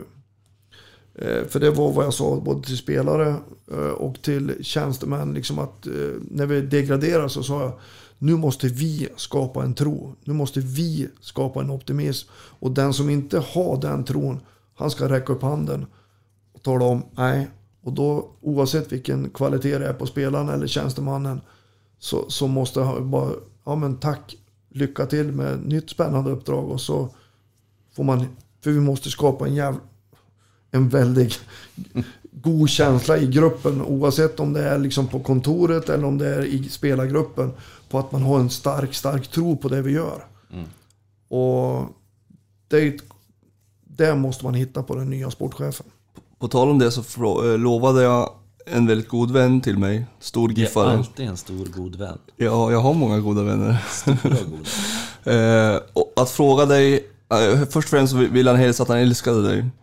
Eh, och sen så undrade han om du hade fått eh, några förslag, om du hade dykt in några inom, inom fotbollsväsendet så att säga.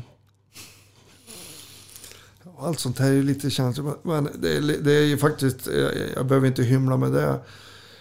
Eh, Jag har blivit väldigt glad utifrån när jag fattade beslutet eller när Giffarna och jag fattade beslutet. För vi, det är inga hard feelings mellan Giffarna och Urban Hagblom. Utan vi får ha respekt för varandras uppfattningar och respekt för varandras beslut. Och så går vi vidare. Eh, och efter det så vart det lite kaos i två dagar. Men det som är lite roligt ändå är att jag har fått ett antal förfrågningar på intresseförfrågningar. Både nationellt och internationellt på nya uppdrag. Fina Gulfen. Nu blir det. Nu blir det Gulfen. ja, det hade varit otroligt. Skämmas över att du tar men framför. Aldrig sinande kappsäck i Qatar. Så det var tyst och leende. Ja, verkligen. Ja, det kan vara Gulfen. Ja. Tänk dig Urban med Gulfen. Jag är helt säker på att det är Kindberg som har ringt honom. Ja, exakt. Det blir Östersund. Fy fan. Ja, nej men det, det låter intressant. Och, och det jag kan säga, mina svar till dem är ju att eh, jag har varit uppskattad självklart och jag är, jag är väldigt stolt och glad över att jag har fått förfrågan. Och, om det, men är ju också att jag har bett om, eh, nu går det snabbt, eh, jag måste få landa i det här. det här. Jag har levt ett liv i 28 år med, med mitt stora hjärta och eh, så jag kommer inte att stressa i det här men jag är oerhört glad och stolt över att jag får förfrågningar. Så får vi se vad som händer. Mm. Spännande. Spännande leende bjuder han på. Det är väl också så här att du har väl inte tid att flytta någonstans. Du ska ju vara på Matildas 2023. Trumma. Ja, ja så var det ja. Precis. Spela trumma och Ja. Ja. Du och Leif. ja. Ehm, jag eh, hade någon fråga här. Jag tänkte, jag tänkte dra några namn och årtal till att börja med. Eh, med all respekt nu för eh, ideella krafter i föreningen som kan ha varit verksamma. Så om vi tar några av de som har varit i liksom kärnverksamheten så har vi Pekka Nordin. Var i GIF mellan 1957 och 1971. Det är 15 år. Eh, Leif Forsberg har ju tröjan upphängd på väggen. Var där i 20 år. Eh, Allan Sundbom, Mackallan. Klassiska Macallan. 39 till 64, 26 år. Fick en whisky uppdöpt efter också. Ja, det är inte så lätt. Då är man stor. Ja, det var stort. Eh, och sen har vi då Urban Hagblom, 95 till 2022, 28 år. Så att du har ju varit, är den som har varit längst i den här föreningen. Det hade jag inte koll på. Så att, Stort. Ja, det är det. Mm. ja, då vart jag, det var- jag blev lite rörd igen. Eh, Det är ju ganska tunga namn. Staty hävdar jag. Ja, Ja. eh, men till att börja med, jag tänkte ställa en fråga till er också sen grabbar, men till att börja med om vi fokuserar på det positiva här. Vilket, under de här 28 åren nu då, går det att säga vilket som är ditt bästa minne? oh, eh, självklart så är det ju våra allsvenska avancemang.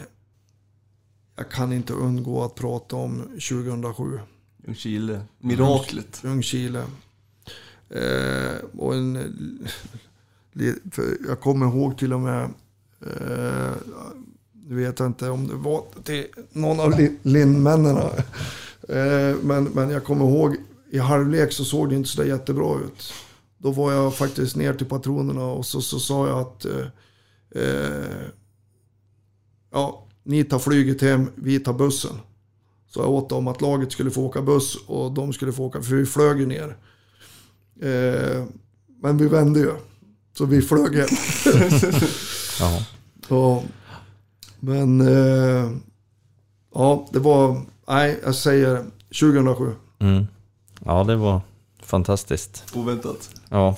ja, men du har ju ändå fem avancemang Ja. på ditt samvete. Jag Så har att det är ju... fem avancemang. För det är också det första 99 var ju också oerhört utifrån det. Det, det var uppstarten liksom på, på min resa. Tackar vi Peter Olofsson för. Så vart han giffa då. Ja. Precis. Så är det. Sen tänkte jag ställa en fråga till er också. Eh, Spännande. Johan och Thomas. Ja, men alltså, jag sa ju det här. Leif Forsberg, tröja nummer 10, sitter på södra läktaren. Eh, 20 år i föreningen. Eh, här sitter Urban, 28 år i föreningen, som nu ska lämna eller har lämnat. Vad tycker ni är en rimlig hyllning till Urban? Johan sa det nyss. Alltså jag, jag har ju sagt eh, det från att beskedet kom att det är en av våra största och kanske den största eh, i föreningen. Eh, alltså jag är inte helt främmande för en liten staty. Ja, helt I alla alltså. fall en byst. Ja, en torso. Inte en byst, då får det vara. Nej men alltså jag, jag skulle, alltså jag tror att vi måste börja bli bättre på att göra sånt också inne på arenan. Alltså, eh, att lyfta de som är stora och... eh, Det blir väl speciellt att prata om de som sitter i rummet, men jag är inte helt främmande för att en staty eh, på, inne på eh, området skulle vara rimligt. Tycker jag. Mm. Thomas, har du några... En byst. Hur, hur toppar du det? Nej, men i alla fall en del av läktaren att dö, döpas efter Hagblom, tycker jag. Kioskerna. Ja, nej, det tycker jag inte. Urbans kiosk. Nej, men att döpa om bussbolaget till Hagbloms buss vore väl något kanske. Ja, ja. Nej, men ja. Nu heter det ju Matildas då. Och det har jag väl aldrig hymlat med att jag inte riktigt har gillat. Va? Varför då? Är du klok? Han är misogyn. Ja, verkligen. Ja, men så får det vara. Sjukaste jag hört i hela mitt liv. Nej, men jag tycker man kan i alla fall eh, Mat- döpa om en, eh, en, en Urbansson. läktarsektion till... eh, Ja, men till... Det är populärt i England, så varför inte här? Om du får välja Urban, snabba ryck här, men om vi ska döpa... Jag vill också bara helt ärligt inflika på att jag är för en staty. Ja, ja. Men helst vill jag sätta Matilda Urbansson på ståplats.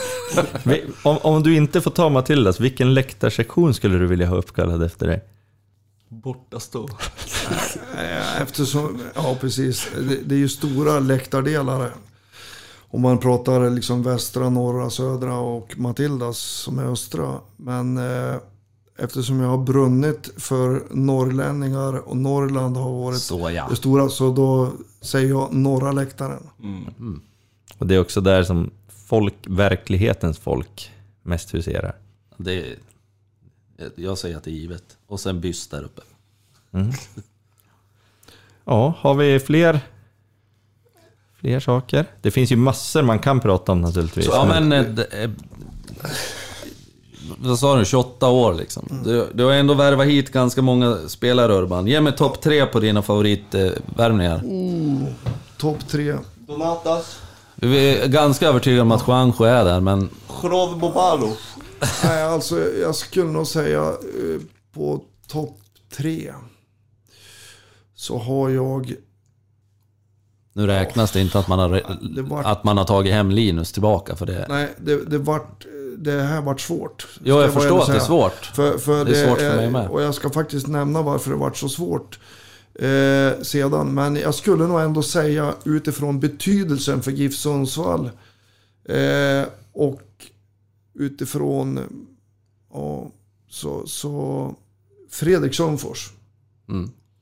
Eh, fantastisk målvakt som, som eh, var med på uppstarten och gjorde en resa liksom och varit oerhört betydelsefull för oss utifrån resan från superettan till- allsvenskan. Här. Eh, självklart Mikael Lustig. Mm. Eh, som jag följde sedan han var 15 år egentligen på elitpojkläget i Västerbotten. Eh, men Mikael Lustig liksom vart, även om han inte varit jättelänge i Giffarna, men, men det var ett... Eh, sen så... Ja, det vart eh, svårt med eh, våra isländska vänner. För jag, Aris Gulason var också oerhört viktig, men jag säger Runar Mar Sigurjonsson. Kan, kan du ta topp tre sämsta? Ja, jag var, man är sugen, man är sugen. Ja. Jo, det måste vi höra. Ja. Som, som har gått mindre bra hos oss. eh, Bobalo måste väl vara med va? Åh, men eh, det är faktiskt nu, nu kommer vi, nu börjar vi i begynnelsen, men det fanns en orsak för att vi skulle få fart på Andreas Yngvesson. Så rekryterade jag en amerikan, McKinley Tennyson. Finaste lorden. Och det var, och det var, och jag är ju ofta lite för optimistisk i medialt och hävdar liksom att det är stora spelare, men McKinley var inte sådär jättebra. Det finns en spelare i den truppen som har hävdat att McKinley inte klarade av ett varv runt Ryggis. Utan, utan fick, fick gå sista biten. Det är 2,4 kilometer. Ja, jo, då, det tror jag. Ja, jag vet inte, jag, jag var aldrig med riktigt på det. Eh, nej, och sen, eh, även om det var, han var, det var en okej spelare, men jag fick aldrig till det här med Donatas Vencevicius. Eh, Han hade också värvat efter sporthallsbesöket. ja, jag behöver nog få lite hjälp. Owen Price, Chris Cleaver Chris tänkte jag säga. Klyvaren. Nej, men eh, Chris... Han spelade ju en Men hel del. Bubalo, alltså, han var ju anskrämlig. Bubalo. Balagarba. Tack, tack. Nej, Balagarba var ju bra. Ja, ja bra men... Ja, men han, Wait and see, vi väntar en. Men, men eh, nu ska jag inte slå mig... Det, det, som, det är lätt att prata bara om de fina nyförvärven. Men, Man får nämna någon från Men det är faktiskt- dagens trupp också. Ja, men nu när jag har haft tid och suttit och funderat. Om man liksom, under de här 28 åren så har jag faktiskt rekryterat hit spelare. Och 21 av de spelarna, 21 stycken, har blivit A-landslagsmän. Från resan Ja, i Sundsvall. Men många kan man ju tycka har varit för dåliga. De har inte blivit A-landslagsmän i GIF Sundsvall. Nej, nej. Som Marcus Danielsson som vi hämtar från Västerås och så GIF Sundsvall i Förlåt, sex år. va? Förlåt att jag Och avbryter. så Djurgården sen. Men jag måste ifrågasätta din vänskap med Bosse Andersson. Eh, Efter de här åren. Om, om du sätter dig ner framöver och summerar lite vad vi har fått kontra vad de har stulit av oss. De har stulit da Danielsson. Kevin Walker då, kapten hos oss. Eh, det är någon till också va? De, de har numera... Jag Ja, har, Carlos har de ju. jag har ju påpekat det här för Vad har vi fått? Thomas Backman. Johan Andersson. Norrland. Elias Storm. Men, eh, Thomas Backman, det är en topp tre för mig. Friska viljor. Uh! Backman gjorde det. Ja, men eh, det håller jag inte med. För han hade, vi skulle ha gett han mer tid. Ja, verkligen. Så hade det blivit bra i vår långsiktighet. Ja, ja. Kanske hade slagit. Eh, Nej, men det är ändå roligt att GIF Sundsvall, för ofta så blir det ett fokus på de man tycker inte håller måttet. Men det, alla har följt samma mönster egentligen. Alla har följt, de har ingen av de här A-landslagsmännen har levererat dag ett. Nej. Viktigt att påpeka. Däremot så har de levererat kanske andra året, tredje året, fjärde året. För eh, vi har ju fått kritik på alla de här eh, spelarna för att de har varit för dåliga. Men de har blivit A-landslagsmän. Ja men ta Erik Och Larsson. självklart, vi har några från vår egen akademi som är A-landslagsman. Men allt utifrån Emil Forsberg till Joakim Nilsson till eh, både Jonathan Morsey och Peter Wilson är ju också landslagsmän i sina respektive länder. Men Erik Larsson, han var ju liksom reject från Gävle. Han fick inte nytt kontrakt med Gävle. Nej. Han är ju, var ju liksom, nu innan han stack så var han en av Allsvenskans absolut bästa högerbackar under många år. Det är ju också... Fantastisk spelare. Ja, men det visar ju också på ett öga som... Alltså att, att, att Gävle kastar bort Han spelade ju forward hos oss ett tag, men liksom... När det landas var han ju en av, av Allsvenskans bästa högerbackar. Så är det. Så Ja. att, eh, ja. Jag tror inte det är någon som tvivlar på det. Sen så får man ju komma ihåg att du har ju i stort sett aldrig haft någon budget att jobba med. Nej, den har varit väldigt begränsad. Mm. Så det, det har inte underlättat så. Nej. Det kan man ju säga. Det förstår jag. Men jag har vetat om förutsättningarna. Absolut, så det är jo. inga konstigheter. Men Men det säger en del. jämförs kanske med klubbar som har många miljoner. Hur nära var Figo egentligen? Han var oerhört nära. Nej, skämt åsido. Eh, det var nog media som ville göra den. Han Ja. var på att hälsa på i Sollefteå. Det Så att det, det var aldrig aktuellt. det är så trött, det är fortfarande så här aprilskämt känns det som. Alltså, AIK hävdar att han var nära dem. Men han hade varit välkommen. Ja, fan. det hoppas, det hoppas jag. Jajamän. Um, nu hade jag en bra så här sista. Jo, till sist nu. eh, ser du dig själv, alltså nu är ju en epok över, kan vi väl säga. Eh, ser du dig själv komma tillbaka till GIF i någon roll, kanske i någon ideell roll eller så här framöver? Eller hur, hur tänker du? Eh, ja, självklart. Eh, jag älskar GIF Sundsvall och eh, att jag har fattat det här beslutet nu tillsammans med föreningen så, så påverkar ju inte det min känsla där. Det beror nog på utifrån hur min, mina uppdrag och vart det är och hur den tiden ser ut för att göra uppdrag åt GIF Sundsvall. Men jag är inte helt främmande för det i framtiden. Men nu närmsta tiden så tror jag faktiskt utifrån styrelsens beslut på att man vill också ha en ny start.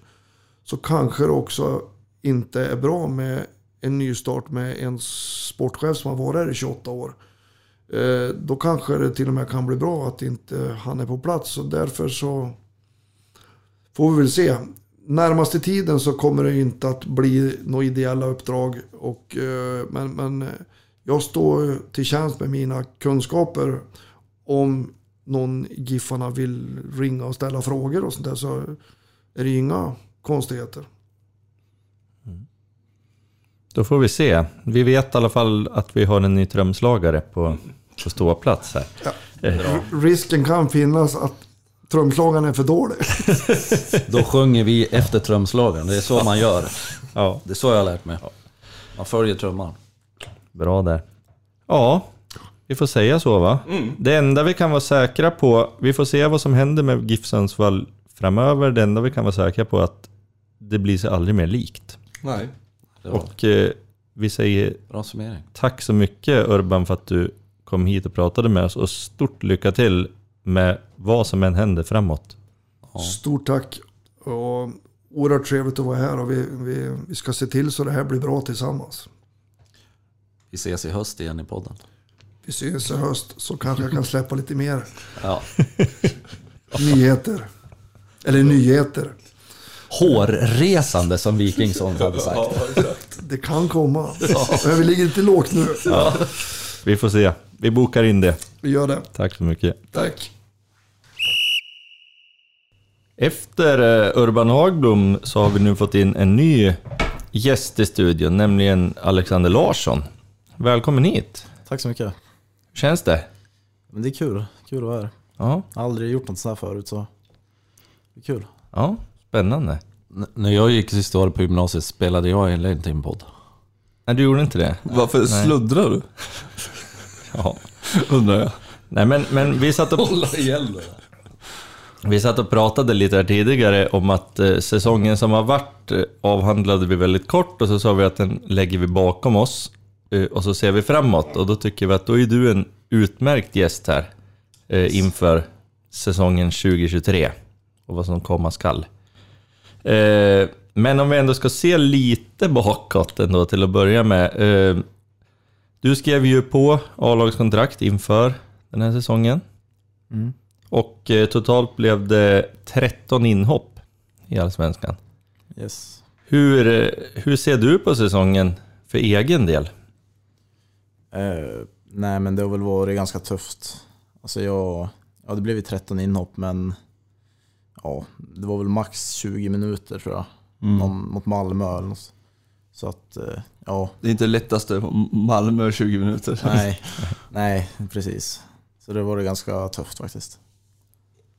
Jag var inne på det när vi pratade med Urban. Det har ju inte varit glamour för dig att komma in sista 5-10 minuterna när vi ligger under med 3, 4, 1, 0 i värsta fall. Vad hade du för förslag? Jo, det var det jag skulle komma till. Att mitt förslag, för jag anser inte dig vara en sån spelartyp som går in och ska bröka och bara, ja, brunka där uppe liksom. Utan då hade jag mer att mitt förslag var att du hade kommit mer till nytta om du hade fått starta 5-10 minuter och sen blivit utbytt. Vad säger du om det? Hade du, val, hade du hellre valt det? Ja, alltså, Ja, det, du ser, det är fan ett bra förslag. ja. Alltså det är lite jobbigt att bli utbytt efter 10 minuter varje match också. Det ser inte bra ut. alternativet var. Thomas Riks är inte tränare, ska vi komma ihåg. Nej. Men, men, Det hade en amerikan som var. men apropå det så, eh, just att det blev ju ja, 13 inhopp, men många var tämligen korta, några minuter på slutet och så.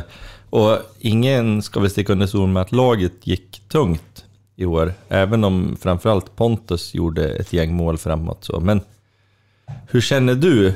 Tycker du själv att du borde ha fått chansen mer än vad du fick? Uh, ja, alltså jag förstår att det är svårt att, alltså ett svårt läge att släppa fram liksom hos unga när det, när det har gått så här dåligt liksom. Men eh, ja, lite mer speltid tyckte jag att jag kunde ha fått sen då. Men jag fattar ju att det är svårt. Jag tänker på den också för att Linus går sönder.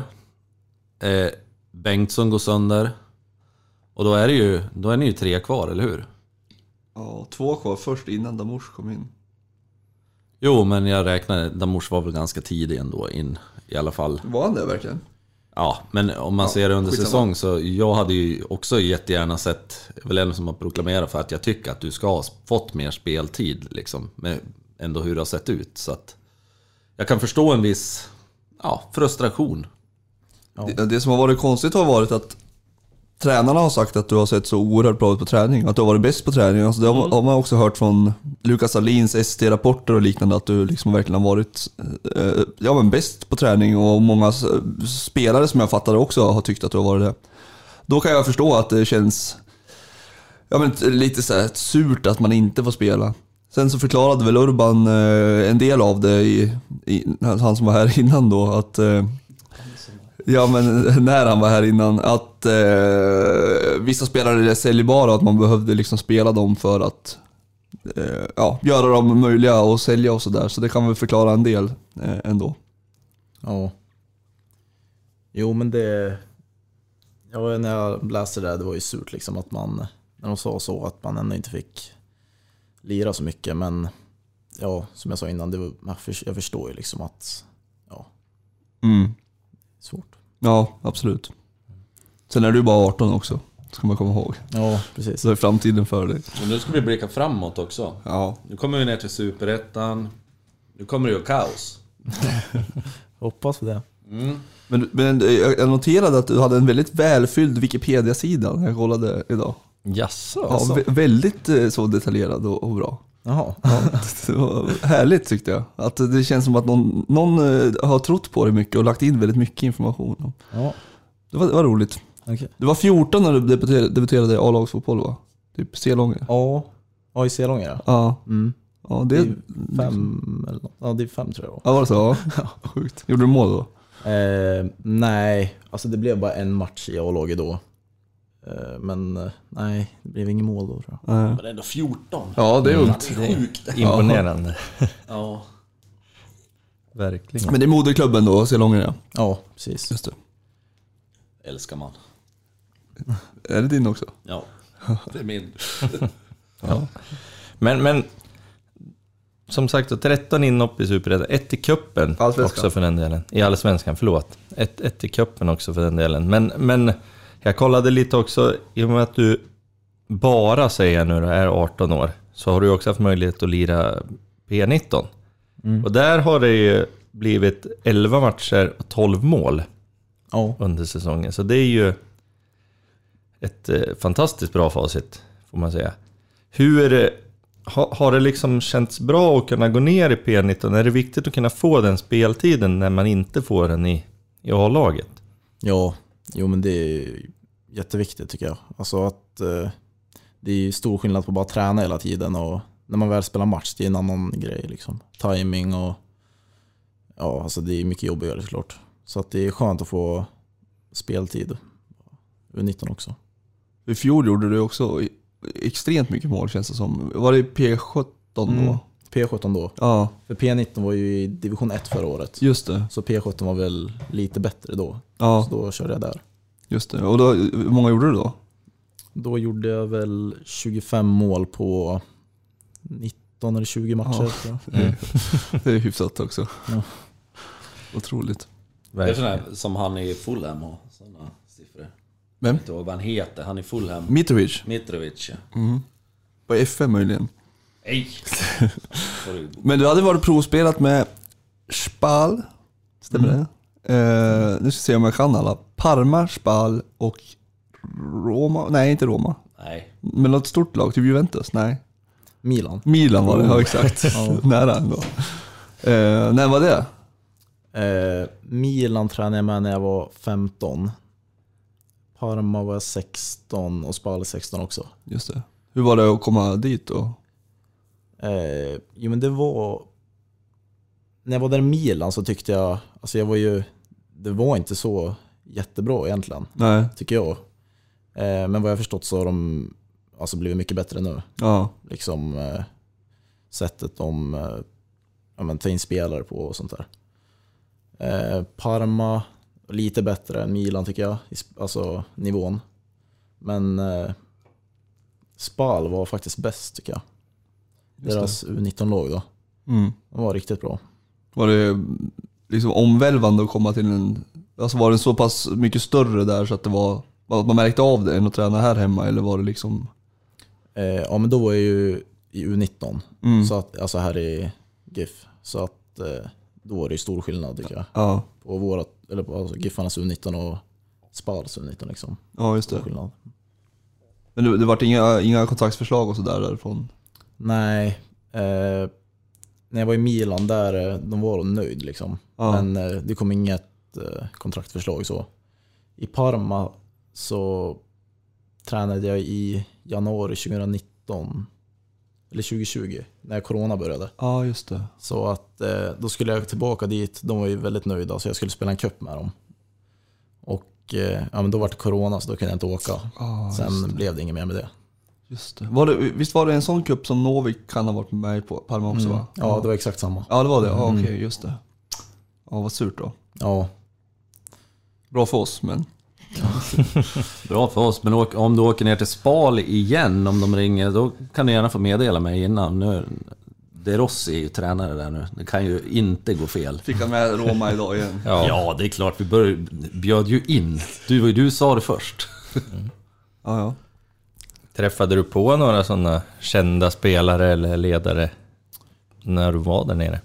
eh, alltså det var väl mest i Parma träffade jag ju Dejan Kulusevski då. Mm. Men, och så de som spelade där, men alltså de andra i Parma. Men eh, inga i Milan eller Spal.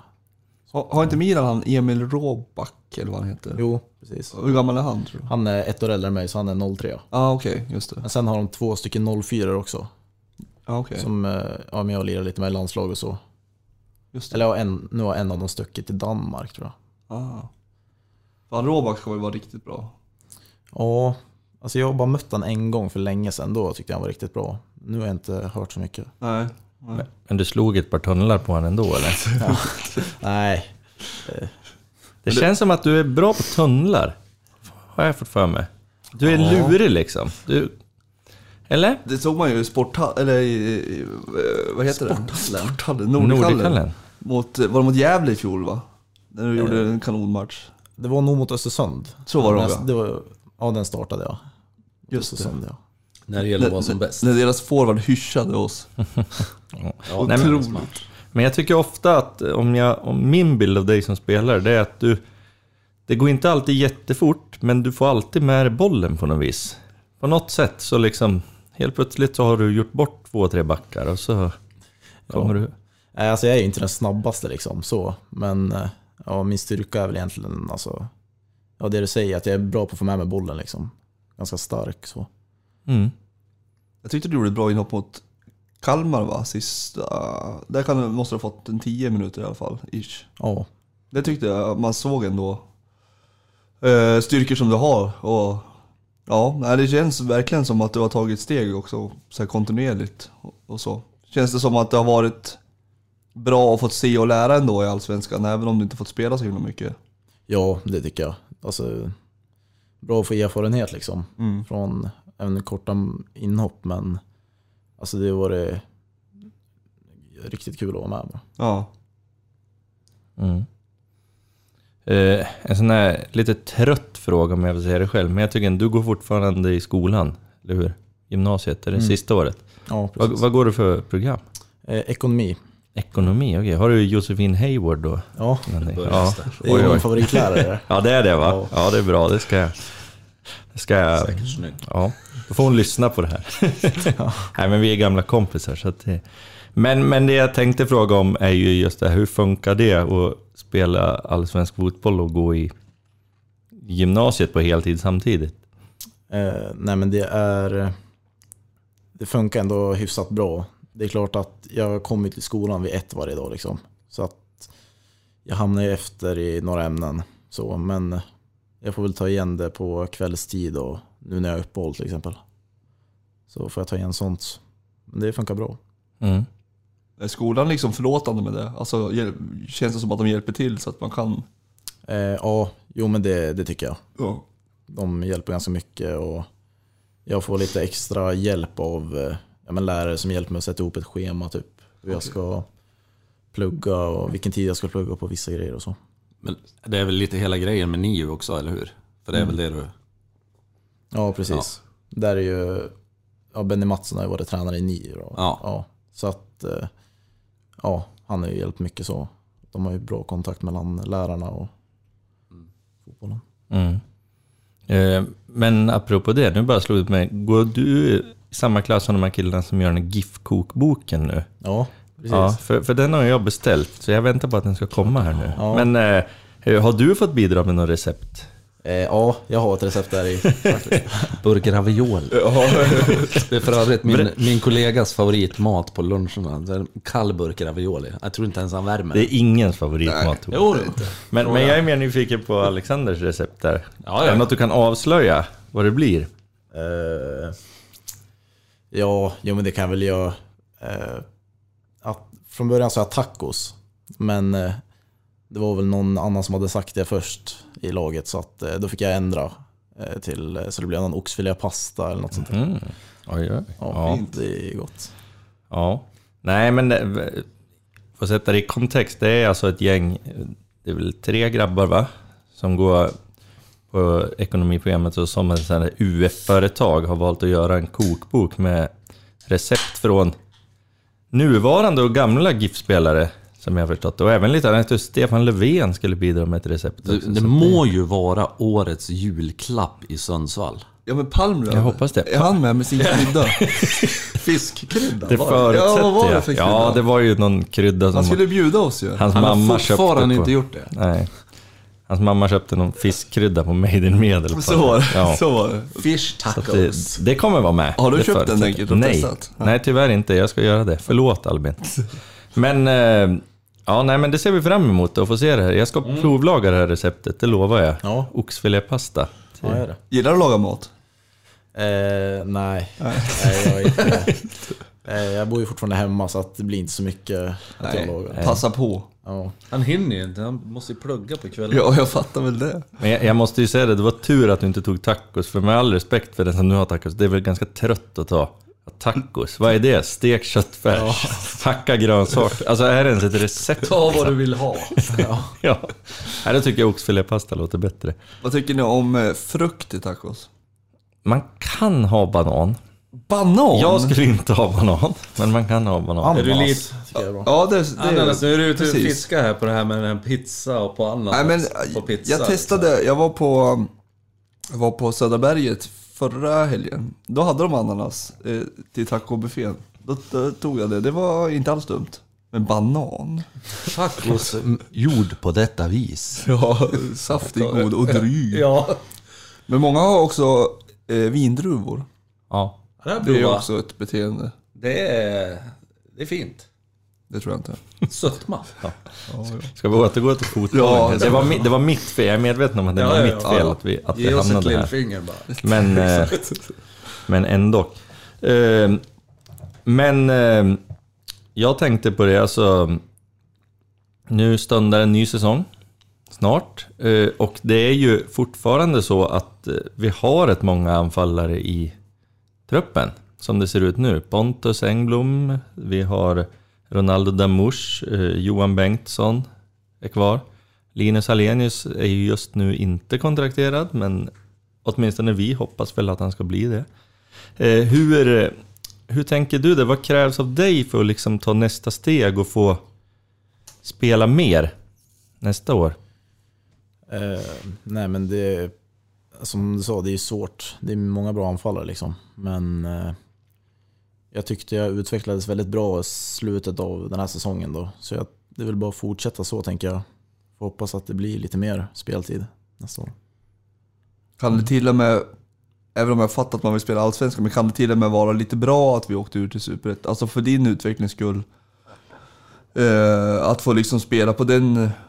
Det är en mer rimlig in, alltså inkörsfas på något sätt kan jag tänka mig. Från junior, alltså juniorfotbollen till Superettan kanske. En, kasta sig in mot Malmö, det är ju... Ja, om du förstår frågan. Ja, jo, jag förstår. Alltså, det är ju det är klart, det är ju ett mindre hopp från eh, liksom, ungdomsfotboll till superettan än till allsvenskan då såklart. Ja. Men, eh, så det kan ju vara en bra, bra start liksom. Ja, Att eh, spela lite mer på. Samtidigt så är det ju allsvenskan man vill spela i då. ja, Som, såklart. ja absolut.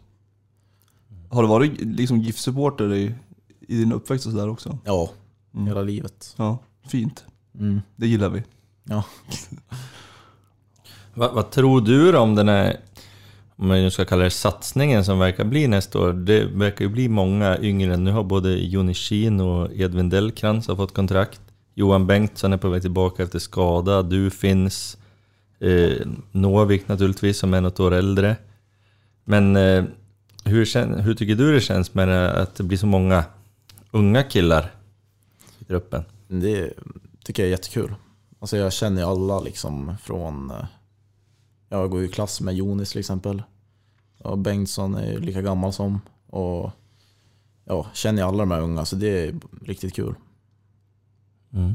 Gör att det blir lättare också att få ihop gruppen tror du? Alltså att man, eller kan det bli...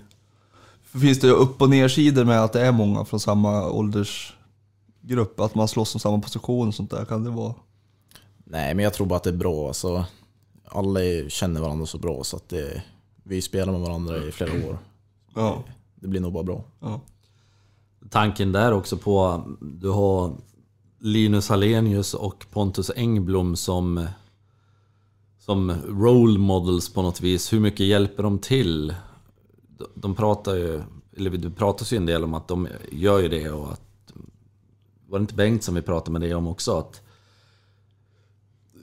finns det styrka i att ha dem i truppen eftersom de är så pass rutinerade och ja, men etablerade också, även i allsvensk fotboll.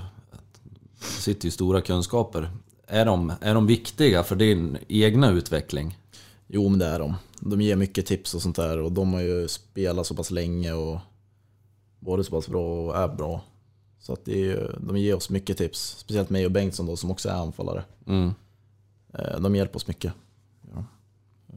Har, har de också givit dig något smeknamn förresten? Pontus Engblom verkar ju ha någon slags Ja, expertis på smeknamn. ja han är duktig på att ge smeknamn. Eh, Men eh, nej, inget speciellt. Kallar mig Larsson. Okej. Ja. Ja, då får han ju snappa upp lite Det är Pontus. var- Sundsvalls blekt. efternamn. Ja men eh, efternamn är ju, alltså jag har ju aldrig kallats för Johan typ, he- någonsin. Alla säger Martinsson, eller Martin. Mhm. Vilket är sjukt, eftersom jag inte heter det. Nej. Nej, men precis. Men det, det gillar jag, Larsson. ja du sa ju det när- jag svarade i telefon förut också, sa du. Ja det är Larsson. Ja, Ja, det är en uppmaning till, till Pontus nu att sätta ett nytt smeknamn. Jag ska börja kalla dig för Thomas bara. Eftersom du har sånt speciellt... Djävulskt trött Eftersom du har namn. så speciellt efternamn så vore det kul att börja Ja. kalla dig för Thomas. Det är nog ingen som kallar mig för Rex annars i och för sig. Så att, Är det inte? Nej, det är otroligt sällan faktiskt. T-Rex då? Ja, har hänt, men det, det är för långt att säga tror jag. För trött, Tänkte dina föräldrar på att du skulle bli T-Rex? det hoppas jag. Sjukt. Men det tror jag inte. Jag, jag såg nu också Alexander med... Eh, A-lagssäsongen är ju slut och ni har gått på, inte semester, men ni tränar på egen hand nu fram till 9 januari. Tror jag träningen drar igång om jag inte minns fel. Men eh, P19 kör ju för fullt. De spelar ju något som heter Ligacupen. Eh, slog eh, någon Hudik-Strand-kombo här i helgen med 4-0.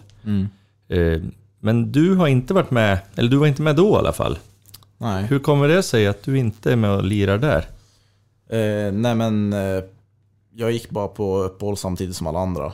Och så har jag inte, det är ingen U19-tränare eller något som har frågat om jag vill lira eller något sånt där. Så att, eh, ja det har bara inte blivit så. Bakläxa till U19-tränaren? Och det är ju skolan där igen som måste komma. Det var vi inne på. Skitskolan. ja. Hade du velat spela om de hade frågat, tro? Eh, jo men alltså det hade jag kunnat gjort. Mm. Så det är bra att bara hålla igång så här under uppehållet. Så. Mhm. Men hur många matcher, nu, nu vann de den här, är det någon slags utslags... Eh, jag vet faktiskt inte. Det är som ett gruppspel i ligacupen då. Ja. Eh, jag vet inte hur många matcher det är men det Jag måste tror vara att- två till kanske. Mm. Jag tror att det är fyrlagsgrupper. Men, Jag men vad, vad handlar det om? Alltså vad är kontentan av att gå vidare så att säga? Eller vinna? Ja, man går till eh, slutspel då. Jag vet inte hur det är just nu, men förut när jag spelade för några år sedan så var det alltså att man gick till semifinal typ i, jag vet inte om det är fyra grupper Mhm. eller något sånt där och det blir semifinal och final. Men det, det handlar inte om att åka ur eller något eller? Nej, Nej, det är nej. bara liksom som, Svenska cup? ja, typ så. Ja, det verkar vara helt frikopplat från serien som jag har förstått det också. ja. Så jag såg att det var match mot Sandviken nu på söndag här. Mm. Härnäst då. Har de bra ungdoms... I och med att de går bra som A-lag liksom ändå. Har de bra ungdoms... Vet man det? Inte den blekaste har jag. Nej. Jag tror att de är helt okej. Jag mötte dem förra året i U19 i ligacupen tror jag det var. Ja. Eh, och de, ja, de har ju några bra spelare liksom. Det Ja. har de. Men eh, ja, helt okej tror jag. ja. Mm. Men, men glädjande där, nu är det ju dig vi pratar med, men glädjande där är ju att eh, din eh, anfallskollega i A-truppen Johan Bengtsson blev ju målskytt här i ligacupen nu. Och det är ju kul att han är på väg tillbaka. Mm. Han har ju haft stora knäproblem. Ja. Ja, jag såg, jag läste någon intervju med honom att han har blivit bättre på att skjuta. Okej. Han hade tränat med Linus och att han hade eh, utvecklat ett väldigt bra avslut sa han. Det låter lovande. Ja, verkligen. Absolut. Det hatar vi inte. Nej, du. Nej. Ska vi komma in på det här lite jobbiga också? Ja, vi får väl göra det. Ja, nej men det är ju så, jag vet inte om du har lyssnat någonting på Patronpodden, men vi har ett segment som heter Jämtlandskollen. Okej. Är det bekant? Nej, det är Nej. jag inte. Det svettas där Mm. Ja. Nej men vi, vi brukar helt enkelt, vi brukar kolla upp då eh, om det finns något jämtländskt, jämtländskt blod i ådrorna på våra intervjuobjekt. Vi kanske också ska för- förtydliga för Larsson här. Att det är därför som det enkelt vet vart du bor. Så att det inte är någon... Ja, okej. Det är inget mer skrämmande än så. Nej. Och sen allt resultat som kommer ut av det här är ju under det att du gjorde en jävla kanonmatch där mot Östersund i träningsmatchen. Så det är ju förlåtet att du, du ändå sågar ner på dem redan. Så. Ja. Ja, nej men, men som du kanske förstår så är det ju, det är ju positivt om man inte har någon jämtländsk eh, koppling då. Ja. Men, men vi har grävt fram lite Jämtland här, Ja, vi- tyvärr. Okej. Ja, eh, till exempel har vi här en... Eh, eh, nu ska vi se, här har jag fusklapp. Jag tror att det stod Östersund. Här! Mormor, född i Östersund. Du, jag har faktiskt ingen aning. Min mormor, ja, hon dog väl med min, när min mamma var ung tror jag. Okej, jajamän. Ja, hon var tydligen född i Östersund åtminstone. Så att det, Ja. och även någon mer här, ja, mormors mormor var också jämtlänning. Så att det, Ja, men eh, som du sa Thomas, det har ju, du har ju lyckats bra ändå, ja. man ju säga. Giffade som det- barnsben och hela den biten. Ja, Ja, men, men, men en sån kontrollfråga, eh, bara för att se ändå liksom... Eh. Din, Ja, den bästa. men jag, jag tänker, eh, brukar du ha mycket samröre med märkliga brittiska brevlådeföretag och så här, som kan tänka sig att hiva in lite pengar när du är pank, till exempel? Eh, nej, Nej, det där är inte... nej, Ja, bra. nej men det är bra. Då, Ja, det är Bra bra. svar, bra svar. då känner jag att du inte är så mycket jämtlänning ändå. Liksom. Så det är positivt. Ja, nej men Eller annars är det ska, mycket... skaka fram 8 miljoner sista dagen. Ja, precis. Ja, precis. Mm. Tror du på sjö och djur är min favorit. Ja, det är Andra mytiska varelser. Ja, det är det ingen som har gjort hittills. Nej. Nej. Nej, men det är, det är mycket, det är mest medelpad, så det är skönt. Ja, Det är Sundsvall och Njurunda. Fina njurarna. Skön framförallt. Fina Njurunda. Absolut. Är det något som sticker ut som inte är överhuvudtaget härifrån? Eh, I släkten? Mm. Ja, absolut. Vi har någon här från Örebro. Oj. Mormors far. Mm. Mm. Här har vi farfars morfar från eh, Skaraborg också. Vart ligger Skaraborg? Kanske musikant. Man vet aldrig. Med nära Billingsfors kanske. Säkert. Skaraborg är väl inte en ort, det är ju ett, ett eh, län. Ja, Alltså Skaraborgs län. Ja. En julsång tror jag. Ja, det också. Jajamän, farfars mormor från Överkalix också, så att vi ser, det är lite... Ja, det är blandat. Abs- absolut. Ehm, ja, Hur, vad har vi mer? Ja. hur känns det med eh, att vi inte har någon tränare och sportchef och sådär? Känns det, hur känns det liksom... Eh, eh, vad ska jag säga? Är det stressande eller känns det lugnt liksom ändå? nej men det, just nu känns det väl ändå lugnt så. Men det är väl klart att det är väl bra om vi får in det så fort som möjligt. Ja. Eh, Men ja, just nu är det inget jag, liksom, jag känner mig stressad över. Nej. Det är bra. Det är bara vi som gör det. Vad har du för framtidsambitioner med din fotboll? Om det är det vi fokuserar på såklart. Eh, nej men det, jag vill ju komma ut i alltså, stora ligorna liksom. Eh, Mm. Premier League och såklart. Men eh, ja. Har, har, har du något favoritlag där ute? Eh, ja, men jag håller på Arsenal. Jag trodde att du skulle säga. United, för jag, ty- jag tyckte att du reagerade när jag sa att Ronaldo hade lämnat United. Jag var rädd. Ja, Men var, nu blev, det blev väldigt gladare att det, var, att det inte var United. Tänker på de här som, eh, om du hade fått ett eh, kontraktsförslag av till Milan, Parma, Spal, när du var där nere. Hade du hoppat på det tror du? Hade det, hade det känts som en, eh, en bra lösning? Jag tänker nu på en sån här som kille som Tahirovic som är i, ja men förlåt alla nu då, men i Roma. Som har varit där sedan han var typ 15 eller någonting va? 16 kanske. Och nu, vad tror han är 19 19 nu, eller ja, någonstans Ja, där. 19. 18, 19. Ja. Nu fick han faktiskt hoppa in i, i Serie A i sista matchen inför uppehållet och göra ett jävligt bra inhopp ändå. Är det, hade du, hade du hoppat på något sånt tror du? Eller hade du velat utvecklats kvar i Giffarna och känt att jag vill slå igenom här först och sen gå den vägen? Får jag flika in här bara? Ja, absolut. Du tar ju ett exempel på en av Nej men, tusentals ja, men som, som går den andra vägen till mötes, att det inte blir någonting. Ja, nu tog jag honom som exempel här bara. Ja, men alltså för, för det jag tänker... Det finns ju de såklart som inte slår igenom, men jag ville bara höra... Jo, jo. Men jag tänker att det är klart att man hade velat, om man hade kunnat komma till, till Milan när man var 16 och sen fick man hoppa in i Serie A när man var 19 skulle vilja göra det. Ja, det är klart som fan att man hade velat gjort det. men Men risken finns ju åt andra hållet som är ganska stor, att man, Absolut. att man inte gör det. jag ville bara flika in med någonting med Roma såklart. Ja, ja. Men, men alltså, om, vi, om jag får ställa om frågan, förlåt. Ja, vi gör det. Jag vet inte. vad, vad, t- tror du att det är... Tror du att det finns en uppsida att gå de här stegen i, i, typ, i Giffarna då, som vi pratar om nu som exempel? Att man liksom har varit med i Superettan, Allsvenskan, man har gått alla de stegen.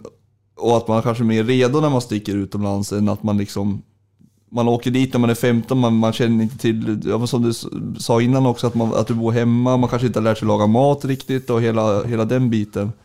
Kan, eh, kan det vara en... eh,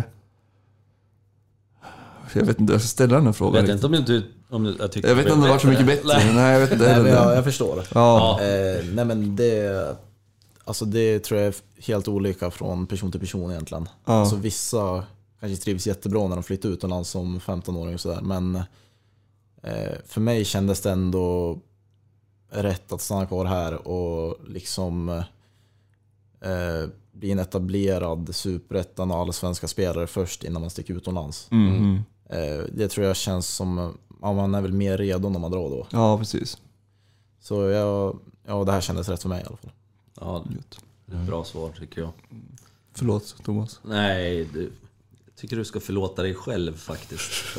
Att- Men du, du, har, du har två år kvar nu på kontrakt. Du har kontrakt till och med 2024 med GIF. Eh, hur tänker du sen? Alltså du sa att du har ambitionen att komma ut i de stora ligorna och det är väl rimligt. Men tänker du att det ska vara de här två åren och sen ta nästa steg? Eller känner du inte någon sån stress? Eller hur tänker du kring det? Uh, nej men, uh, alltså först och främst vill jag ju liksom bli en startspelare här i Giffarna. Och ja, alltså jag trivs jättebra här så jag, jag är inte bråttom liksom. Och ja, det är väl det jag vill börja med, starta här liksom. Mm.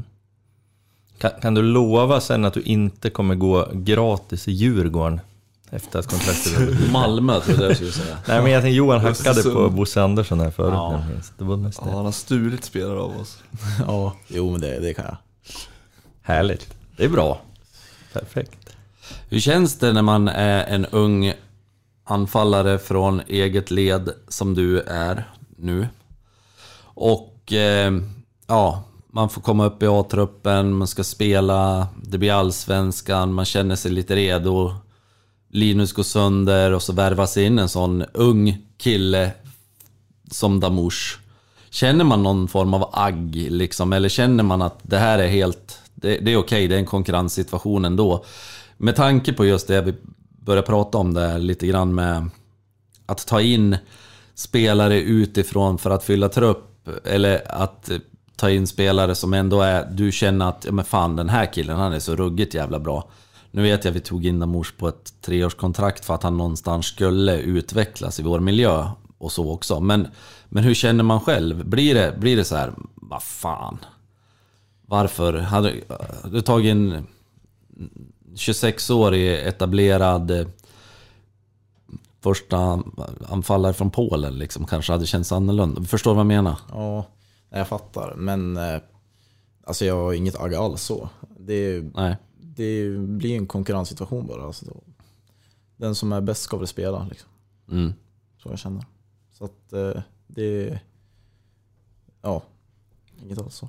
Där hade jag känt också lite, det hade varit tufft att lägga det, den bördan kanske på dig också. Att Linus är borta, Bengtsson gått sönder. Så att det är liksom Pontus eller du. Och att du ska liksom, om säg att Pontus hade gått sönder, då skulle det bara vara du. Då skulle allt hänga på dig också. Så på något sätt hade det väl också känts, i den åldern som du ändå är, att, att lägga väldigt stor vikt vid dina, vid dina axlar också på något sätt kanske. Mm. Jo, precis. Och Pontus blev ju skadad där en- någon match också. Ja, så precis. då var det bara jag och Ronaldo kvar. Ja, Så att, eh, ja. Nej men jag fattar så. Ja, men vad hände då? Eh, Då startade de med Ronaldo. Ja, bara. Ja. Och Ylätupa. Och innan det där hade jag inte, jag hade inte varit på bänken de första matcherna. heller. nej just Så att, eh, men då fick jag börja vara med på bänken. Så gjort, Mm. jag gjorde något inåt där. För då hade ju alternativet varit, om inte Ronaldo funnits, att då skulle man slänga in dig och spela dig ja, he- helt kall från det. Jag vet inte. Det, ja, det är svåra frågor alltså. Ja. Men det är det, och det, men det är ganska intressant också just med tanke på den här Norrlandssatsningen som man nu ska gå tillbaka till liksom. Och då kanske man hade varit nöjda då med, med att starta fyra anfallare. Bengtsson, Larsson, Engblom och, och Hallenius. Och sen går två sönder. Ja, men det är Då ganska sjukt Ja, det är ju en sjuk Det situation. är sjukt att eh, Linus går sönder, Bengtsson går sönder. Jag sa det i, jag tror i Tuttosvenskan när jag var med där att är, Ja men eh, ja, då sitter ni där med liksom eh, en 18-årig Alexander Larsson och Damush kvar och säger så här, ja men hur många forwards ska vi behöva ha? För vi hade liksom Linus, Bengtsson, eh, Pontus, Larsson, Damush. Vi har fem anfallare i truppen ändå. Det är alltså hur mycket ska man behöva ha i våran Nej. med, med våran budget också så är det egentligen kanske till och med två för många om man ska se det krasst liksom. Så att på något sätt har vi haft maximal oflyt också kan man tycka. Ja. Bengtsson hade ändå gjort sina minuter i Superettan och gjort mål och så också. Du har ju fått otroligt goda lovord ifrån Urban Hagblom i alla fall. Han säger dig som en spännande, den mest spännande. Och när, när han använder styrkeuttryck som spännande, då drar man nog öronen åt sig. Nej men, eh, som en av de mest spännande spelarna som, som vi har fått fram nu. Det måste väl ändå kännas rätt okej antar jag? ja, det är såklart kul att höra. Mm. Det är det. Av en sån legendar. Ja. Ja, men jag, jag tänkte också passa på att fråga, nu går jag tillbaka ändå till säsongen som har varit, vilket är... Men jag gör så. Eh, jag tänker, nu, du har inte spelat så mycket, men det har ju varit en hel del kritik kring laget och spelet och resultaten och allt vad det har varit. Hur har du upplevt det här? Hur har det varit med det? Har det varit jobbigt i år? Eh, ja, men det är såklart har det varit tufft. Alltså, ja men dagen efter förluster och sånt där. Det är, det är såklart det har varit tufft. Eh, Men jag tycker ändå att vi har kunnat hålla upp en bra stämning i omklädningsrum och sådär. Att det, det har inte blivit några grupperingar eller så. Som jag kan tänka mig att det är lätt att det, det blir så om det går dåligt i en säsong. Men vi har hållit ihop gruppen bra ändå tycker jag. Bra stämning och sådär. Och sen var det skönt att inte vara back när man släpper in 80 mål en säsong. Hellre vara anfallare då. Ja, Ja, svara på det om du kan. ja men det är, Det är därför du sitter här i podden idag. Nej, fan förlåt. Förlåt. Det var... Nej men eh, det här pratet om att man skulle spela mer unga och sådär, har, har det något, eh, ni, er som är unga, har det liksom påverkat er på något sätt? Att det har känts som att det har varit en... eh, Mycket snack om det, om att, liksom att man skulle släppt fram mycket fler unga och att det har påverkat er på något sätt. Eh, nej men, ja alltså, ja, det är klart jag vill spela. Eh, såklart, det är som när folk säger, det är, det är kul att höra. Ja, Men samtidigt så har jag ju förstått, liksom, det är svårt att släppa fram oss unga nu när det har gått så här. ja. Så alltså jag har förståelse för det. Mm. Med all respekt för, för din insats under året där, underskattar folk skillnaden tror du mellan P19 och Allsvenskan? I nivå? Eh, ja, alltså det känns som att folk har väl, eh, man ser väl ändå att det är en ganska stor skillnad på allsvenskan nummer 19, känns det som. Eh, Men, och det är ju, det är en stor skillnad. eh, Att spela ungdomsfotboll och allsvenskan. Det var väl ungefär som jag hade tänkt mig ändå. Alltså det är så stor skillnad. Vem är den tuffaste försvararen du har mött? Det kanske var Djurgården, Danielsson, jävligt bra. Mm. Giffare. Ja, Förstod man ju. ehm, så det kanske var han då. Mm. Han har ändå gjort landskamper så. så att, Ja. Ja, spela. Spelade väl EM, va? mästerskap och allting. Ja. Det, Tog ett rött han. ja, det gjorde han. Feldömt. Ja, ja. Man tyckte ju också att det var fel innan man såg reprisen. Ja, precis. Killen var Absolut. månghandikappad. Mm. Men om, om vi ska blicka framåt till mot liksom, ja, men kommande säsong här. Vi tänker slutet på oktober, början på november 2023.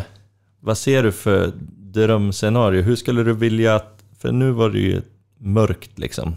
eh, Slutet av säsongen 2022. Vad ser du säsongen 2023? Hur tänker du att eh, Alexander Larsson och GIF Sundsvall kommer må där och då? nej men drömmen är väl att såklart att vi går upp igen till Allsvenskan då. Och eh, ja, jag hade väl velat gjort några mål också. Hade varit kul. Så, ja, det är väl det som är drömmen. Mm. Kanske dra en sång på en patronfest Ja, efteråt. ja, Ja. Urban Hagblom på trummor. ja, jag kände det. Kongas. Ideellt arbetande. Mm. Ja. Ja, nej men det låter bra, det låter fint. Du får hålla Pontus Engblom på bänken och stänka in några, några där. Ja, Ja, vad säger ni? Är vi nöjda? tycker jag. Det tycker jag. Stort tack för att du tog dig hit. Verkligen. Mm. ja, tack för att jag fick vara med. Jättetack. Lycka ja, till. Och, ja, precis. Jag tänkte säga det. Lycka till Ja. med den nya säsongen här. Ja, Mm. tack så mycket. Tack. Tack. Ja, när det ringde på dörren här tidigare så var vi ju faktiskt eh, mitt i, kanske vi inte var, men vi var i alla fall uppe i tankesmedjan. Och kanske uppe i det blå också. Eh, men eh, det vi sa då var ju, jag frågade er vad ska vi prioritera kring truppen för nästa år? Vi har ett gäng med utgående kontrakt. Ni var rörande överens om att eh, fokusera på Linus och Dennis. Mm. Stämmer Ja. det? Jo, där är vi. Mm. Ja. Eh, vad tänker ni mer? Alltså, ska vi ha in några nyförvärv? Vad vill Vi ni se? Vad ha- behövs? Vi måste göra oss av med dödkött först, eller hur? För att ha, överhuvudtaget ha råd med det. Mm. Och vad har vi för dödkött? Lasso.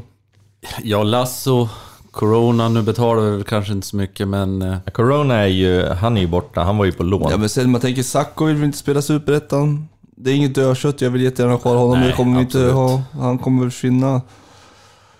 Eh, Det gör mig ingenting om vi säljer Damush heller, om vi kan hova in en liten slant Nej. faktiskt. Så att vi har möjlighet att spela våra, som jag tycker är likvärdiga anfallare kanske. Larsson jag tror. Damors kommer vara bra i. Superettan, men eh, kan vi få betalt för honom så absolut. Ja, jag släpper han gärna. Men sen, som vi pratade om lite innan vi åkte hit idag också. Vi, vi, vi vill ju gärna ha in någon också. Vi kan ju inte gå ett fönster utan att ta in någon. Och där är det väl viktigt att vi har en sportchef på plats och jävligt gärna tidigt.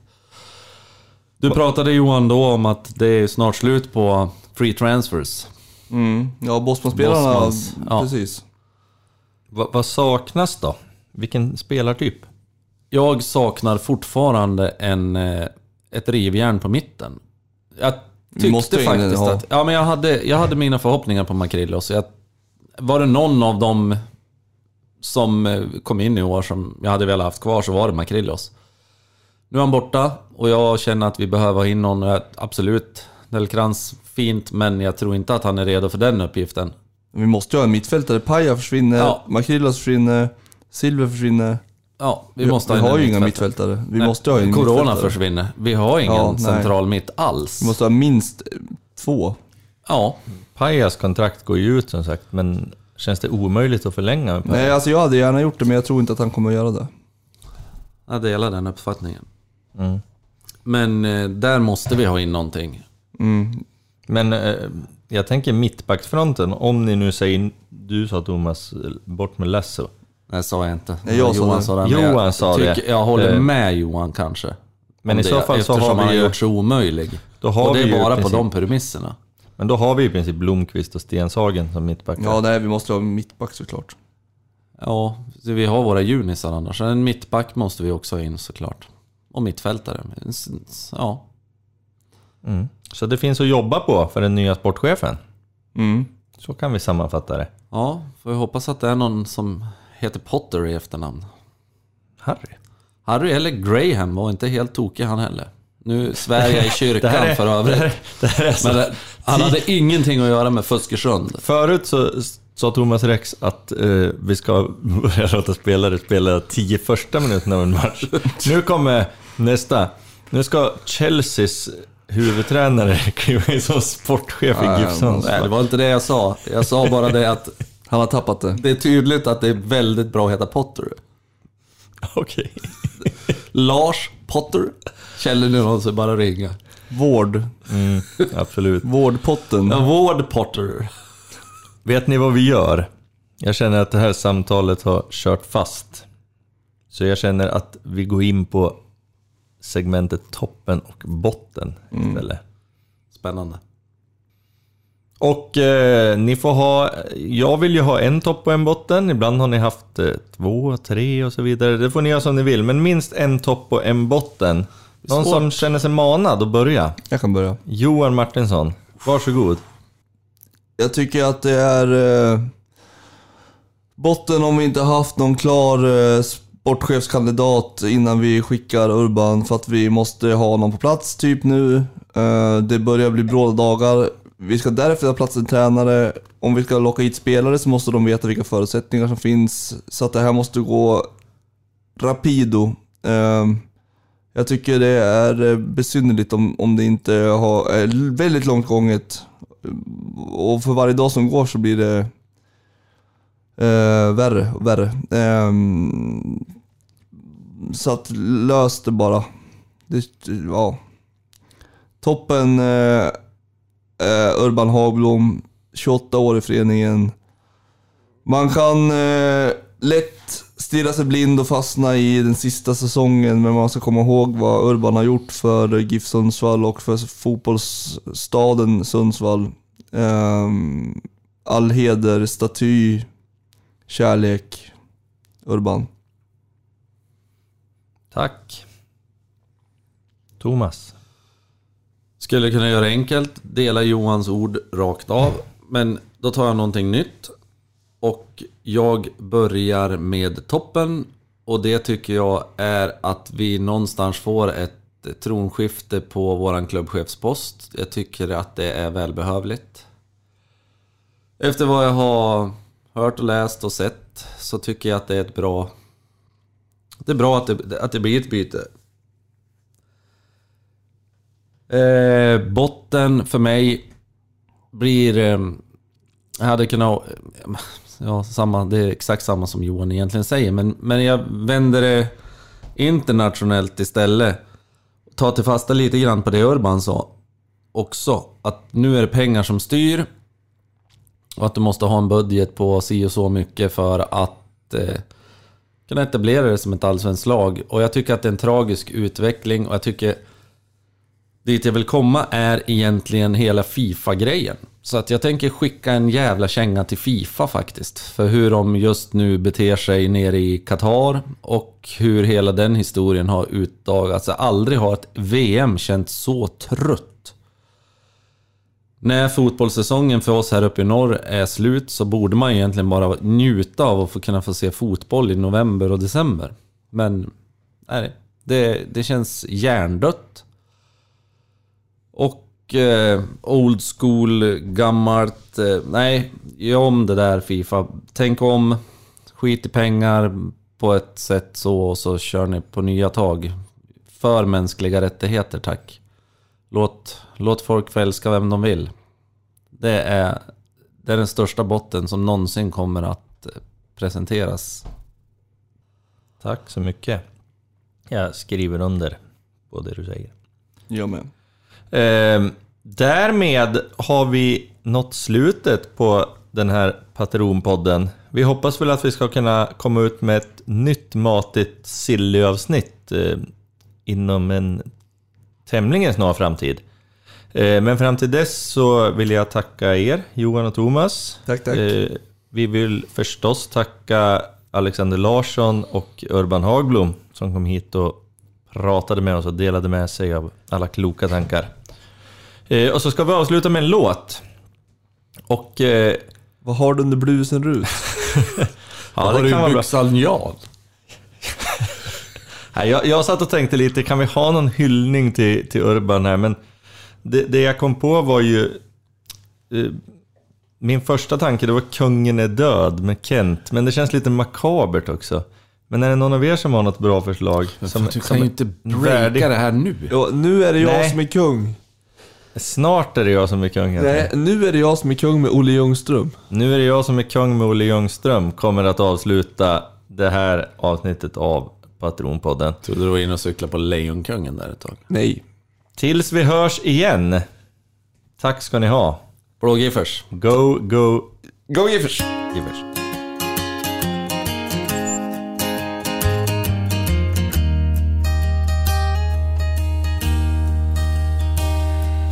I skit och i sörja tar livet sin början om man är kär i misär.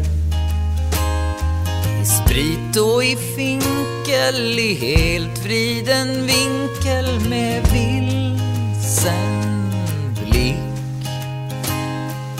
Doften jag kände var hennes Allt som sen hände kan ej nämnas eller glömmas. Det var väl farväl För nu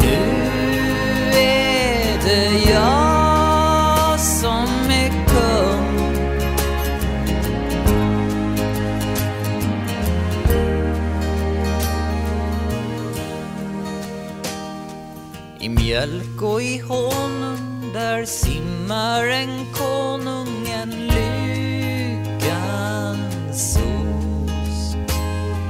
Med lustgas och vingar i extasen han ringlar mot Såugglestad Doften jag kände var här allt som sen hände kan ej nämnas eller glömmas. Det var väl farväl För nu